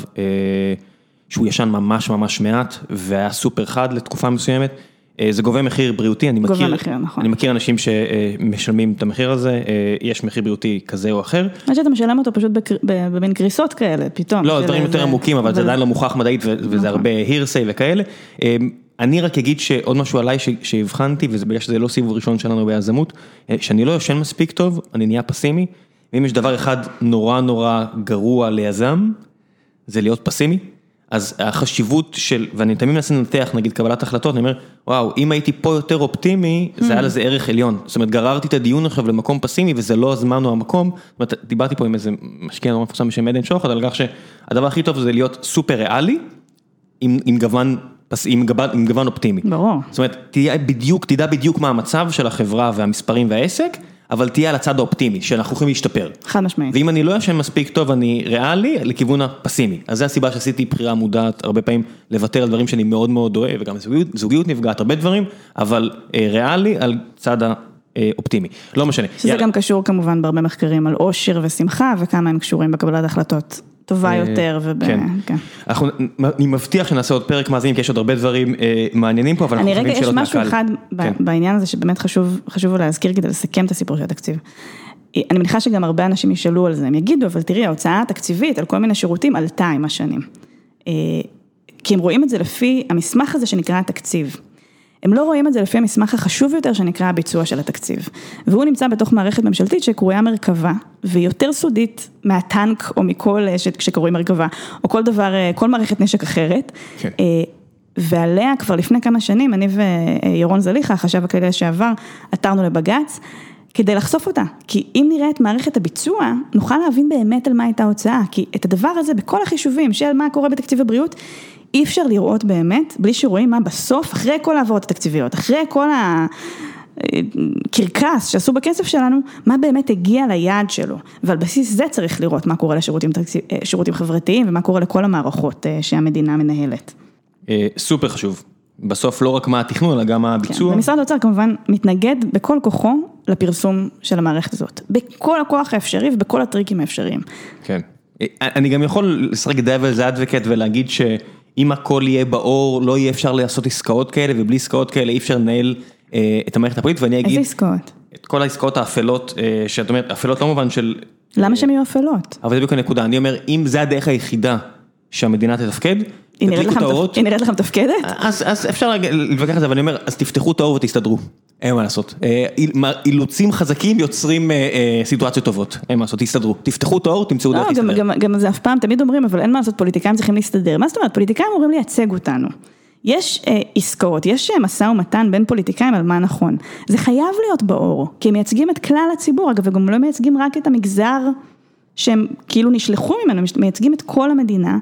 בוודאי שהם חייבים אה, שההחלטות האלה יהיו באור, בוודאי שהסכמים פוליטיים חייבים להיות באור, ומעבר לזה, כל כך הרבה מהתקציב, וזה באמת בעשרות מיליארדים, זה לא הסכמים פוליטיים, זה דברים שמתהווים on the go, בלי תכנון ו- ובלי שום בדיקת יעילות, ובגלל התקציב שלנו והמדינה שלנו נראים כמו שהם נראים. שאלות מהקהל, גלעד סיוון שואל, אה, מה היה הדבר הכי טוב שעשית בזמנך כחברת כנסת? אמ, מעניין, אני חושבת ש... מעבר לחקיקה של דברים שהיו לי מאוד מאוד חשובים, גם בתחום של השכירות והדיור וגם על חיילים משוחררים ו, אה, ודברים שקשורים בעירוניות, שהיא נושא, נושא אחר שמאוד מאוד נוגע לליבי, הדבר האמיתי הכי הכי משמעותי היה הסיפור של השקיפות ושל התקציב. תוך אה, שנה מהרגע שנכנסתי לוועדת הכספים חשפנו לגמרי את תקציב המדינה. אה, יצרנו, תוך שנתיים בנינו נוהל חדש של איך ועדת כספים מתנהלת, זה היה גם באמצעות העתירה בזמנו אה, לבג"ץ וגם אה, בעיקר בזכות הדרך שבה התנהלנו בתוך ועדת כספים, שזה, כשאני מדברת בלשון רבים, אני אומרת את זה בגלל שזה באף שלב לא היה רק אני. אני הרבה פעמים ישבתי בוועדה, אבל לידי ומכל צדדיי מאחוריי, היו כל הזמן הרבה מאוד מתנדבים ופעילים, ואנשים שעבדו במחקר של, של מה שקורה בתקציב, וביחד הצלחנו להביא לשינויים האלה, וזה עשה מהפכה באיך שמתנהל אה, התקציב, באיך שהכנסת מבינה שהיא חייבת לשקף לציבור. ואני מקווה במשהו גם בתודעה הציבורית, שבהבנה של הציבור שמגיע לו לדעת, שאין דבר כזה שמסתירים מאיתנו, שדברים חייבים להיות חשופים. ובגלל שהמאבק הזה היה כל כך משמעותי, הוא גם עמד מול הרבה מאוד מתקפות וניסיונות אה, לבטל אותו. ועכשיו, כשאני לא בכנסת, אז לצערי גם להחזיר את הדברים לאחור, כי מעמדה של הכנסת ובפרט ועדת הכספים אה, הולך ופוחת, אבל אני חושבת שכבר ביססנו איזושהי הבנה שככה זה חייב להיות ושככה אמור להיראות העתיד. וכשהגענו עם זה למשל אה, לארגון ה-OECD, אז בארגון ביקשו ממני להתחיל שם ועדת שקיפות, ובוועדה שם אה, ישבנו 90 חברי פרלמנטים מכל מדינות ה-OECD, וביחד ניהלנו אסטרטגיה של מה צריך לעשות כדי לבסס אמון מחודש בין המערכות לציבור, אה, תקציב שהוא יותר נקי מדילים, והופך להיות תקציב שמייצג את סדרי העדיפויות, וזה בעיניי תחילתה של מהפכה. כן, בוא נגיד, אה, ישבו פה כל מיני חבר'ה שדיברו על אה, הצבעה ישירה ועל כל מיני דברים כאלה, שהם אה, פשוט פשוטים יותר להבנה. הרבה פעמים אנחנו נמשכים לדברים הפשוטים. נכון. זאת אומרת, מה שאני יכול לצמצם לטוויט. ולצערי, הדברים החשובים בעסקים ובחיים ובהכל, אי אפשר לצמצם לטוויט. אני יודע שזה נורא מפתה לצמצם הכל לטוויט, ולקומוניזם נגד קפיטליזם וכל הדברים האלה, אבל בפועל יסודות טובים לחברה ולמדינה. הם לא ברי צמצום, זאת אומרת זה הרבה עבודה קשה של שקיפות נכון, וכל מיני דברים. זה היה אחד התסכולים שלי בוועדה, אגב, בשנה הראשונה כשגיליתי איך הדבר הזה מתנהל, וכל יום היה גילוי מחודש, כל יום למדתי עוד משהו על השיטות האפלות האלה. כל הזמן ניסיתי לעניין אה, גורמים בתקשורת ועיתונאים, שהם היו עיתונאים כלכליים, בלסקר את זה. אמרתי להם, תראו, הייתה פה עכשיו העברה, לקחו 300 מיליון שקל מתחבורה ציבורית, שזה דבר שאנחנו במינוס, אנחנו בגירעון מטורף בהשקעה בו. ולקחו את זה וקיצצו את זה והעבירו את זה לאיזה דיל פוליטי. תכתבו על זה, זה נורא מעניין, זה חשוב, הציבור חייב לדעת מזה. והעיתונאים שישבו בוועדה אמרו לי, אה, תשמעי, את ח"כית חדשה, את לא מבינה, זה לא נושאים שאפשר, אף אחד לא מבין אותם, זה לא מעניין לכתוב על זה. ככה זה עובד, אמרו לי מיליון פעם, ככה זה עובד, אין לך מה לעשות עם זה, לכי תגישי הצעות חוק כאלה, גם אם הם לא יעברו, יהיה אפשר לכתוב עליהם. אמרתי אבל זה הדבר שקורה. ובאמת, את כל החשיפה של זה עשינו דרך האינטרנט. ורק שנה אחרי, שנה אחר כך, כשכבר חשפנו מיליון דברים, והציבור התחיל להתעניין דרך האינטרנט, הוא לא קיבל את זה מהחדשות, שנה אחר כך פתאום היה איזה רגע שסלומיאנסקי פתאום באיזה רגע של זעם העיף אותי מהוועדה. פיזית, הוא לקח את המאבטחים ששומרים לוועדה והרחיק אותי מהוועדה בזמן ששאלתי שאלות על איזושהי העברה תקציבית לא, לא תקינה. ואני יצאתי מהוועדה רועדת וזועמת בצורה של, לא האמנתי שמשתמשים נגדי ממש בכוח, בכוח פיזי, פיזי כן. כדי שאני לא אשאל שאלות בוועדה, זה היה, פשוט לא האמנתי שדבר כזה יכול לקרות, בכנסת. ו, ויצאתי החוצה והיועצת הפרלמנטרית שלי שהתעסקה גם בתקשורת אמרה לי, סתיו חייבים להוציא את זה לתקשורת. ואני אמרתי לה, בשום פנים ואופן הווידאו הזה, הדבר הזה לא יוצא החוצה כי זה, כי זה מביך, זה משפיל, זה, זה, זה הרי לא מתמצת את המאבק שלנו, זה משהו שהוא... זה גימיק. והיא הסתכלה עליי במבט של, אה, את כנראה בחוסר שפיות אם את אה, זה, ולא אפשרתי לה להוציא את זה, ו... אבל היה שם מישהו שצילם והוציא את זה לתקשורת, וזו הייתה הפעם הראשונה ששידרו משהו מוועדת כספים שקרה בנושא של, ה... של התקציב בחדשות. פעם ראשונה. ו... ואני אמנם לקחתי את זה, לקחתי את זה קצת קשה, כי הרגשתי שזה כל כך מצמצם ומשטיח את המאבק. אבל בשביל הרבה אזרחים זו פעם ראשונה שהם נחשפו לזה. ותחשוב כמה זה, בסוף כשאתה יושב שם ועושה עבודה מהסוג הזה שהיא דורשת המון המון שעות, והיא כאילו נורא אפורה, אתה המון זמן יושב שם, שואל המון שאלות וקצת טוחן להם את השכל עד שכאילו נפלט, נפלטת להם האמת בין התשובות, אבל הציבור לא מקבל גישה אליה כי זה, כמו שאמרת, מורכב מדי. אה, או נתפס בעיני הגורם המתווך, התקשורת כמורכב מדי, וזה לא מסתכם לטוויט. זה מורכב לאנשי התקשורת? והם לא מבינים, והבעיה היא שהם אה, משליכים, אוקיי, אני אתן לך אפילו דוגמה אה, מעולם הספורט, אה, ג'ורדן, שחקן הכדורסל הכי טוב בכל הזמנים, ועד שלא עשו את הדוקומנטרי הזה של עשרה פרקים, אנשים לא הבינו כמה זה אפור להיות כוכב. לא צפיתי בזה. כש, לא משנה, כמה שכולם שהם הולכים הביתה, הוא נשאר להתאמן, כמה הוא מגיע ראשון, זה אפור, זה לזרוק 500 אלף, 500 פסיק, אלף פעם ביום, עד שאתה נהיה טוב ברמה הזו, ואתה לא יכול להפסיק גם שאתה הכי טוב.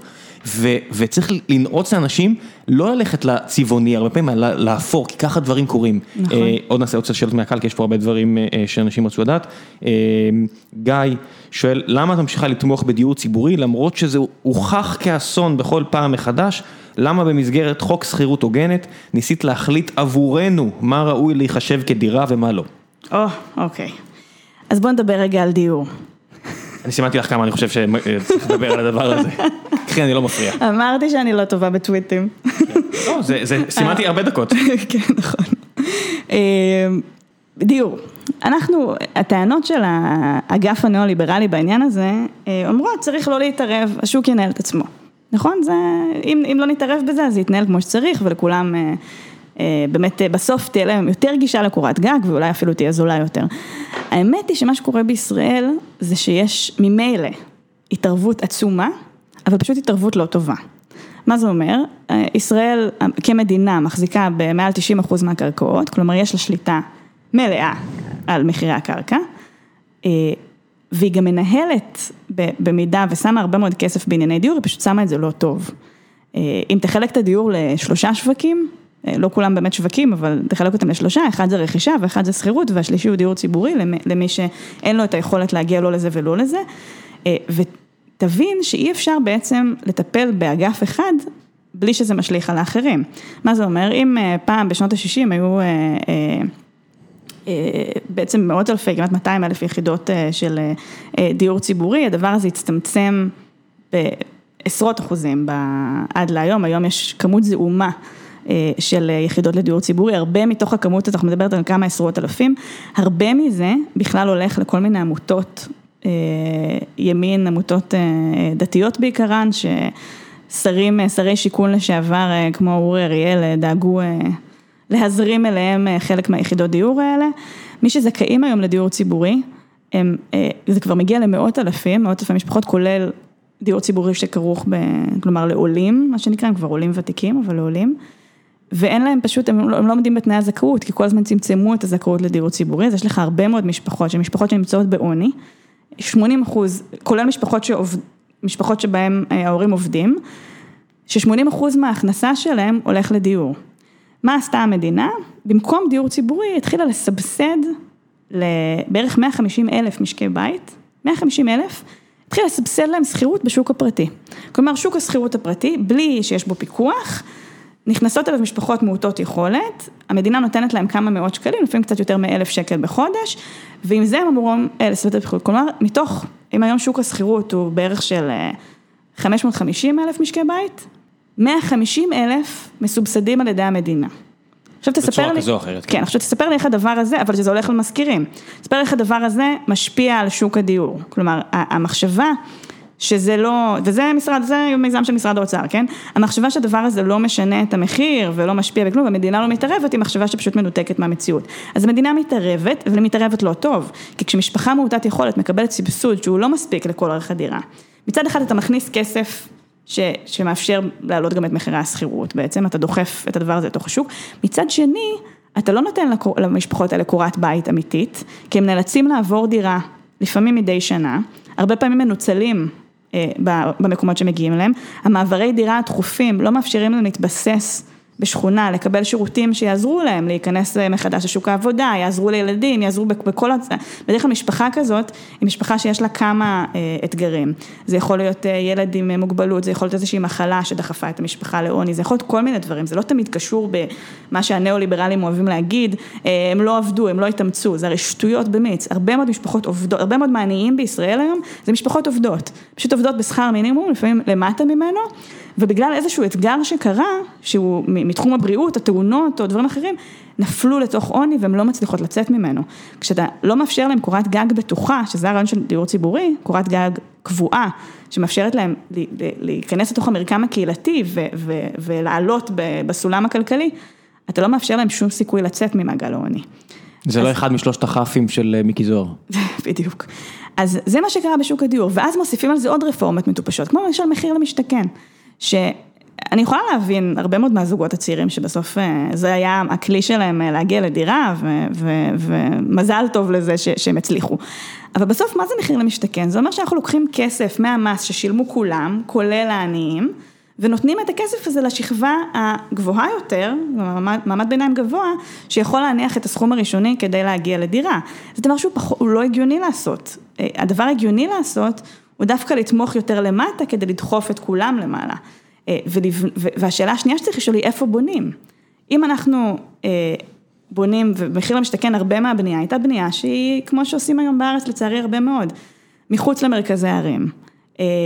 במקומות שמנותקים ממרכזי כלכלה, תרבות, פנאי, בתי ספר וכדומה, ואז הם מכריחים את אותם ערים שהופכות להיות ערי שינה, ככה קוראים לזה, בעצם באים אליהם כדי לישון בהם, להחזיק שני כלי רכב למשפחה שיש בה שני הורים עובדים וכדומה, אתה בעצם בונה לא נכון והופך הרבה, הרבה מהדירות של מחיר למשתכן הפכו לדירות להשקעה, שלא גרים בהם, משכירים אותם וגרים, ממשיכים לגור במרכז.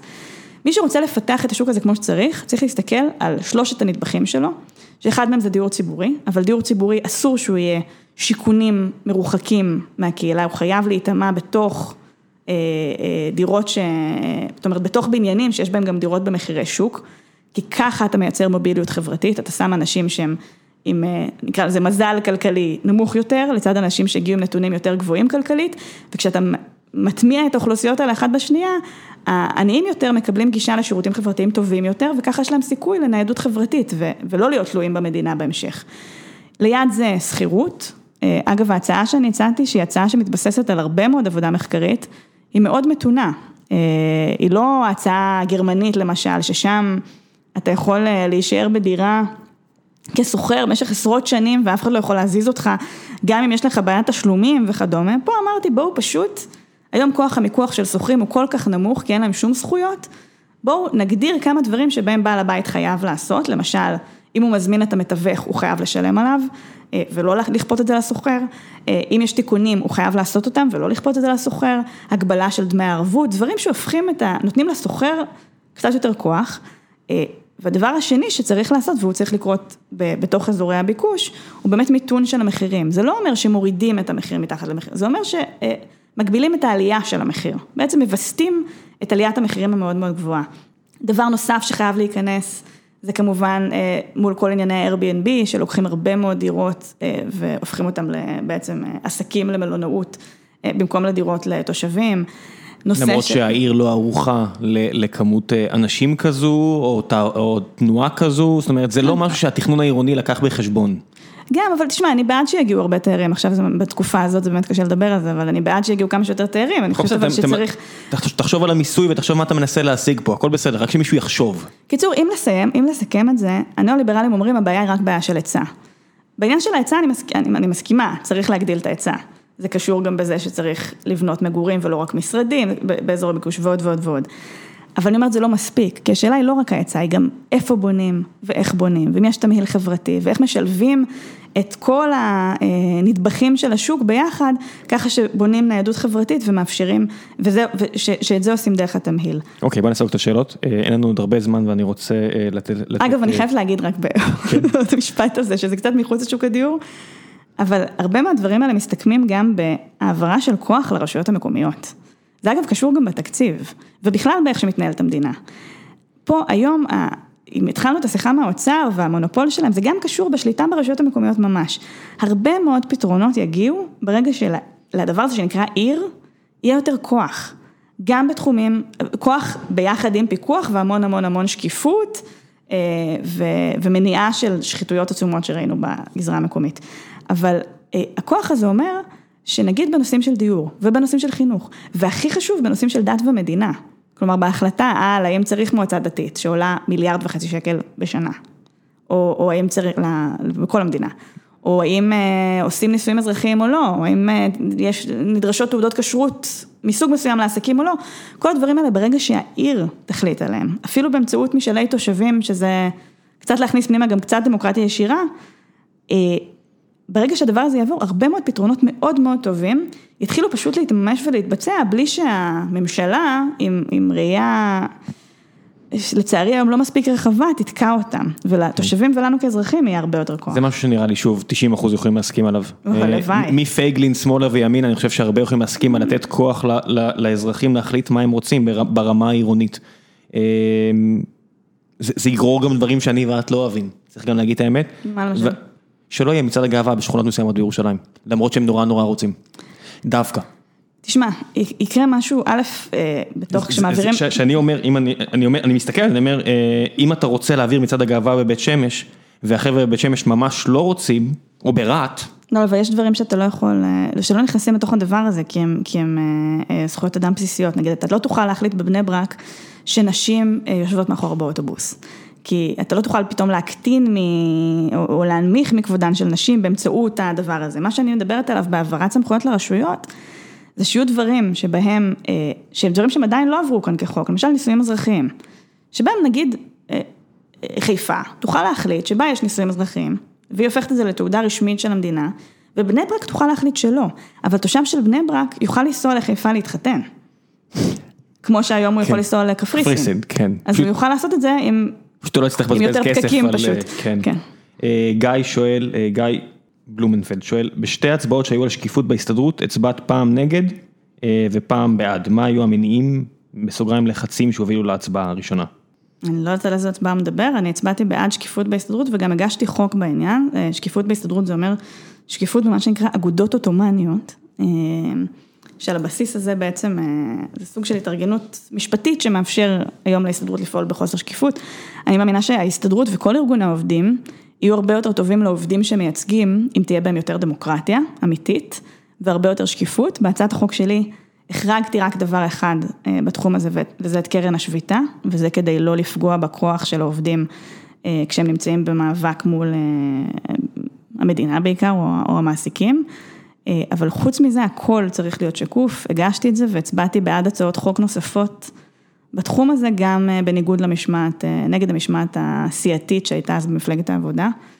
אה, וגם ערכתי על זה דיונים בוועדת שקיפות, אני חושבת שזה דבר שמאוד מצער אותי שארגוני העובדים ברובם מתנגדים, הגדולים כמובן, מתנגדים לו, כי אני חושבת שזה יהפוך, זה יגדיל את הכוח שלהם בעצם. ברגע שהעובדים יהיו יותר מעורבים, ברגע שתהיה תחלופה, וזה קשור בדמוקרטיה, ועובדים צעירים יותר, תסתכל למשל על ארגוני המורים.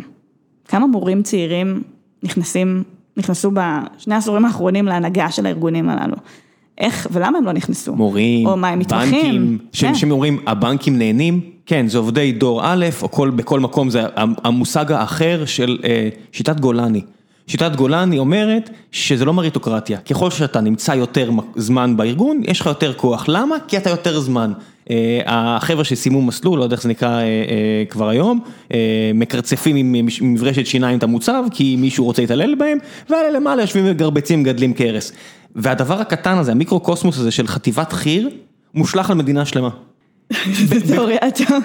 אני פשוט ראיתי את זה בכל כך הרבה מקומות ואני אומר, מה אתה עושה? אני חושבת שכן, יש פה גם איזשהו מקום של, אתה יכול לראות את זה במאבק המתמחים למשל, ואיך, ומה קורה מולם לבין ההסתדרות, ואתה יכול מאוד לראות את זה במערכת החינוך. אני, אני בתור בעם שאני בעד התארגנות עובדים, אני חושבת שזה מאוד חשוב, אני, אני מאגדת עובדים לפעמים ב... אה, גם כחלק ממה שאני עושה, אני חושבת שזה כלי מאוד משמעותי שעוזר לכל המדינה, אה, בעיקר כשמאגדים ומארגנים את העובדים החלשים יותר במשק. אבל אה, מה שקורה כאן בישראל שדווקא הארגונים החזקים, הרבה מאוד פעמים עוצרים, ממש עוצרים התקדמות בתוך מערכות, אתה יכול לראות את זה הרבה מאוד במערכת החינוך. לצד הגנה מאוד חשובה על הזכויות של המורים, הארגון גם צריך להיות כזה שתומך אה, קדמה. יש מטרה, שינוי. אם המטרה היא שאף מורה לא יפוטר, וזה המספרים, זה לא המטרה הנכונה, המטרה הנכונה היא שהמערכת תהיה טובה יותר ותיתן תוצר טוב יותר ללקוחות שלה, קרי התלמידים. זאת אומרת, אפשר להגן על העובדים, אבל אם המטרה היא לתת תוצר טוב יותר, דברים יסתדרו אחורה, זה כמו שאמרנו, מחלות זיהומיות, דברים יסתדרו אחורה, אם המטרה העליונה היא שאף מורה לא יפוטר, כן, אבל צריך, כדי שהמטרה הזאת תתממש. ביטחון תעסוקתי, בדיוק, אתה צריך לדעת כן. שהמדינה, שמישהו שומר על הגב שלך. אני מקבל. בגלל שמה שקרה כאן במדינה זה שלא שומרים על הגב שלנו כאזרחים, כעובדים, אז, אז אין את האמון הזה, ובגלל שאין את האמון הזה, אז גם המון מהארגונים אה, אה, מונים אותו. אבל היום אני הייתי רוצה, הרבה, הייתי רוצה לראות הרבה יותר מורים צעירים, זורמים להנהגה של הארגונים הללו ו, ומשפיעים על, אה, על הדרך של, של מערכת החינוך הישראלית, זה דבר שהיה צריך לקרות פה. אה, רועי שוורץ תיכון, יש לנו רק עוד עשר דקות, בוא ננסה לנצל את הזמן כמו שצריך, רועי שוורץ תיכון, אה, האם נתקלת בשנים האחרונות בנתון או הסבר כלכלי שגרם לך לשנות את כיוון החשיבה שלך, או את המדיניות אותה הצעת, במידה וכן, מה הוא היה? הרבה דברים שקשורים במה שאמרתי לפני רגע על העירוניות, נבעו מתוך למידה והיכרות יותר מעמיקה עם השטח. כלומר, חושבת שלפני חמש שנים לא הייתי אומרת לך שאני רוצה שהעיר תנהל את, לא, לא את הכל, אבל תנהל הרבה, חלק, הרבה יותר חלקים בתוך מערכת החינוך העירונית, או, ש, או את הדיור. חשבתי שהמדינה, שלמדינה צריך להיות שם יותר כוח ויותר שליטה, כי האמנתי שזה יכול לעבוד אחרת. מתוך היכרות עם מה שקורה בשטח ומתוך הסתכלות על הרבה מודלים שקורים בערים אחרות בעולם, אחד הדברים שנתנו לי הרבה השראה בשנים האחרונות היה לראות איך ערים במדינות, ממש מדינות עולם שלישי, הצליחו לצאת ממצבים של התמודדות עם פשיעה נוראית ועם קשיים כלכליים נוראים, באמצעות שיתוף פעולה מאוד טוב בין הרשות המקומית לבין התושבים לבין המגזר הפרטי, שגם נעשה בשקיפות ושנעשה תוך הצבת מטרה לכולם עם המון שיתוף ציבור, ומודלים כאלה עוררו בי הרבה מאוד השראה והלכתי לראות בשטח איך זה יכול לעבוד. עכשיו היום, אם נסתכל על מערכת החינוך, מערכת החינוך בישראל היא כל כך בינונית, היא כל כך לא מעודדת התחדשות. אני הייתי רוצה לראות קהילות מקומיות באות עם יוזמות חדשות לבתי ספר. עם, עם, עם יוזמות הכי חדשניות שיש, של איך החינוך צריך להיראות, ומקבלות את הפלטפורמה לעשות את זה, כן, בתוך המערכת, בעזרת הרשות המקומית שלהם. לא כמשהו שהוא פרטי ובחוץ, ושעולה הון תועפות. זה די דומה לשיטת הוואוצ'רים שכולם מדברים עליהם, בואו תציעו רעיון, אם הרעיון הוא טוב, נתקצב את זה. נכון, וקחו. ישבה פה המנכ"לית של אנקורי, ואומרת, יש לי דברים שעובדים, הנה המטרה, תראו איך אנחנו משיגים, ושמים לי מקלות בגלגלים, כי זה לא מתאים לאיזה פקיד שרוצה לשלוט. מן הסתם לא יכולה להיכנס לפרטים שלא יסבכו אותה וכל מיני כאלה, אבל מבין השורות, וקצת כמו שדיברתי, אתה אומר, אוי ואבוי, גם כשאנשים פה עושים משהו טוב, אתם רוצים להתנכל להם רק כי, כי מה? בשם איזשהו אידיאל קדוש שלא מוכיח את עצמו, כאילו... נכון, וגם יש פה, לא, זה לא, זה לא בשם זה, זה בגלל של... אנשים שבדרך כלל קובעים את המדיניות בתחומים האלה, הם פשוט לא נתקלים בבעיות, כי, כי הרבה פעמים הם כן יכולים להרשות לעצמם את ה... עזבי את זה, כי זה אין שקיפות, כי אף אחד לא שואל אותם שמונה פעמים, למה? למה? גם. למה? כי הם אומרים, ככה ולך. גם. וכאן נוצר מצב שבמקום ש... ושוב, אני בכוונה אומרת כמה פעמים את המושג start-up nation, במקום שכל המדינה תהנה מהפירות ו- ותזכה להיכנס ל- ו- ולקבל תוכניות לימודים שהן מעניינות והן אה, מאפשרות אה, את הבנייה והמימוש של הפוטנציאל של הילד, רוב הילדים תקועים במערכת כל כך משמימה, שהם אה, בורחים ממנה ככל שהם יכולים, לא מממשים את הפוטנציאל שלהם, ולא זוכים ליהנות מהפירות של ה start-up nation הנפלאה הזאת, ואנחנו כמדינה מפספסים המון, כי בסוף כדי שיהיה פה, פה עוד סטארט-אפים, וכדי שנוכל להמשיך להיות בחזית הטכנולוגית של העולם, אנחנו חייבים לראות גם, אם תסתכל על זה רק בצד, בצד הכלכלי הקר, אפילו לא בצד המוסרי, בצד הכלכלי הקר, אתה רוצה להיות מסוגל. ליהנות מההטרוגניות של החברה, לראות, לזהות את הכישרונות החדשים בכל מקום שיש. וזה יעשה רק אם המערכת הזאת תדע להתחדש וכמה שיותר מהר וגם לתת חופש והשתתפות לתושבים שבסוף שמים את ה... לאזרחים ששמים את הילדים שלהם שעות ארוכות ביום ב... בידיה. עקיבא בלוך שואל, מה לדעתך הטעות הכי גדולה שעשית בפוליטיקה? אתה עושה טעויות כל יום. אני חושבת שהדברים שאני תמיד מסתכלת עליהם, שהם מכעיסים אותי, הם בתחום, ואני, ואני מלאה בביקורת עצמית, אני אולי מקדישה לזה יותר זמן ממה שצריך. הם תמיד קשורים ב... הייתי צריכה לדעת את זה קודם. איך היה אפשר להיות יותר יעילה בדברים שבהתחלה אפילו... לקח זמן להבין שהם בכלל קיימים בתוך איך שהמערכת מתנהלת. אני לא יודעת, יש דברים שכאילו היו, שכאילו מתבקש להגיד שהם היו טעויות. מה, ניהול מערכת היחסים בתוך המפלגה? לא, לא יודעת אם זה, כי יש דברים גם שאתה יודע שאי אפשר, נגיד, אצלי יש... כשאת אומרת בדיעבד זה היה חייב לקרות, אין מה לעשות? מה, לעזוב את מפלגת העבודה? זה דברים שנגיד, כל, כל מי שיסתכל, זה יגיד במבט קר, יגיד, הנה, זו הייתה הנקודה שבה גרמה ליציאתך מהפוליטיקה בסוף.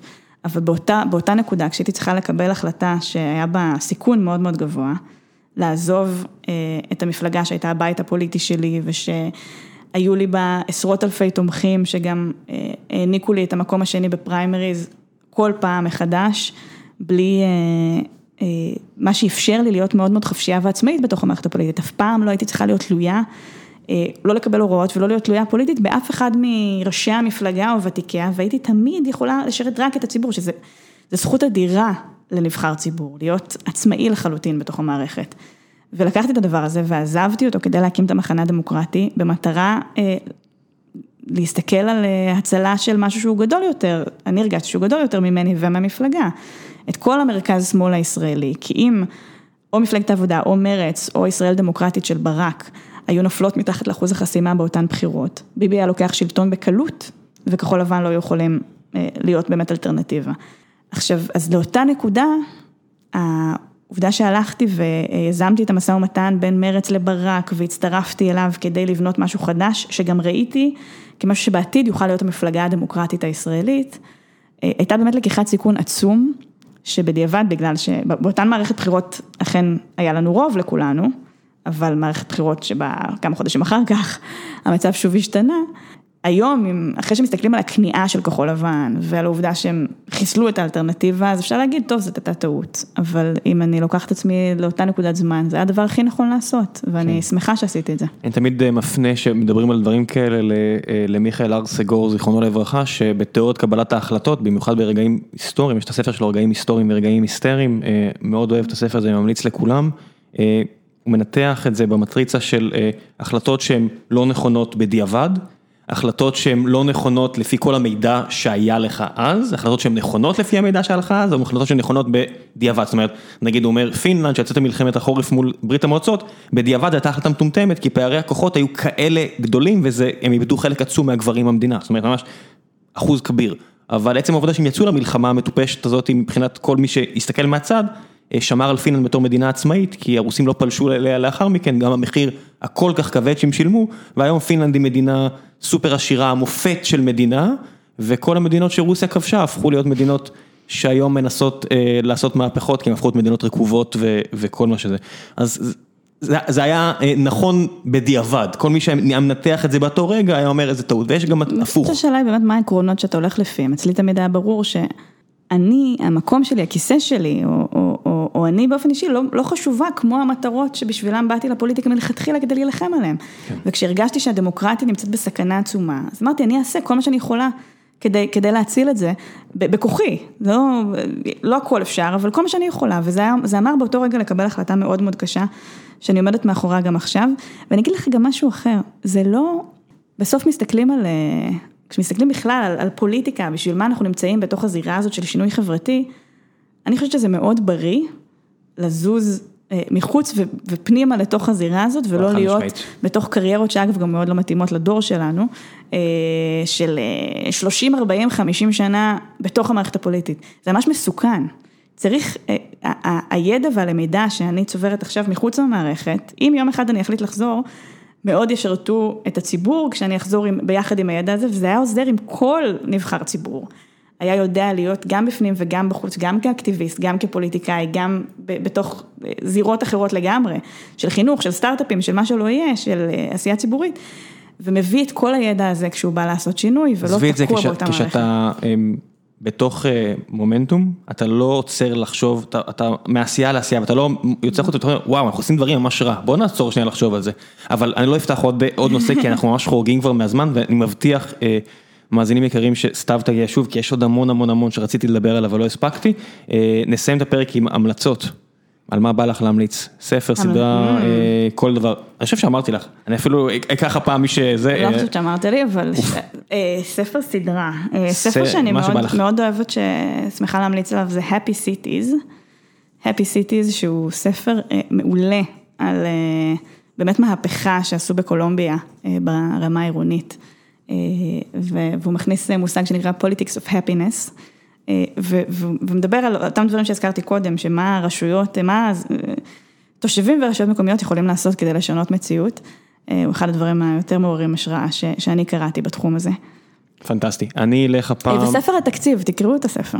וספר התקציב, כן, תנסו. ואני אמליץ על מלקום גלדוול, יש לו פודקאסט בשם Revisionist History.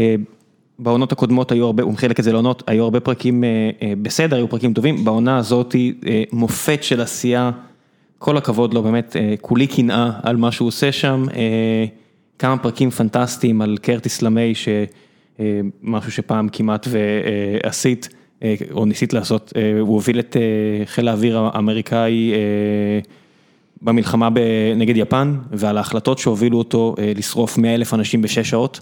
וזה פרק מופת, מופת, מופת, למי שלא יודע, זה כמות האנשים הכי גדולה שמתה בתקופת זמן כל כך קצרה, יותר מהפצצות האטומיות, יותר מהכל, ועל הבן אדם שהוביל להחלטה הכל כך קשה הזו, ועל הסיבה שיפן הביאה לו לאחר מכן עיטור כבוד, אם תאמינו או לא, מהסיפורים האלה שצריך לשמוע או לקרוא כדי להאמין, פנטסטי, אני אשאיר שם לינק.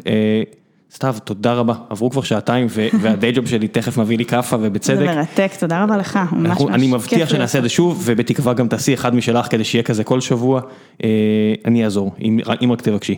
תודה רבה. תענוג. ביי. תודה.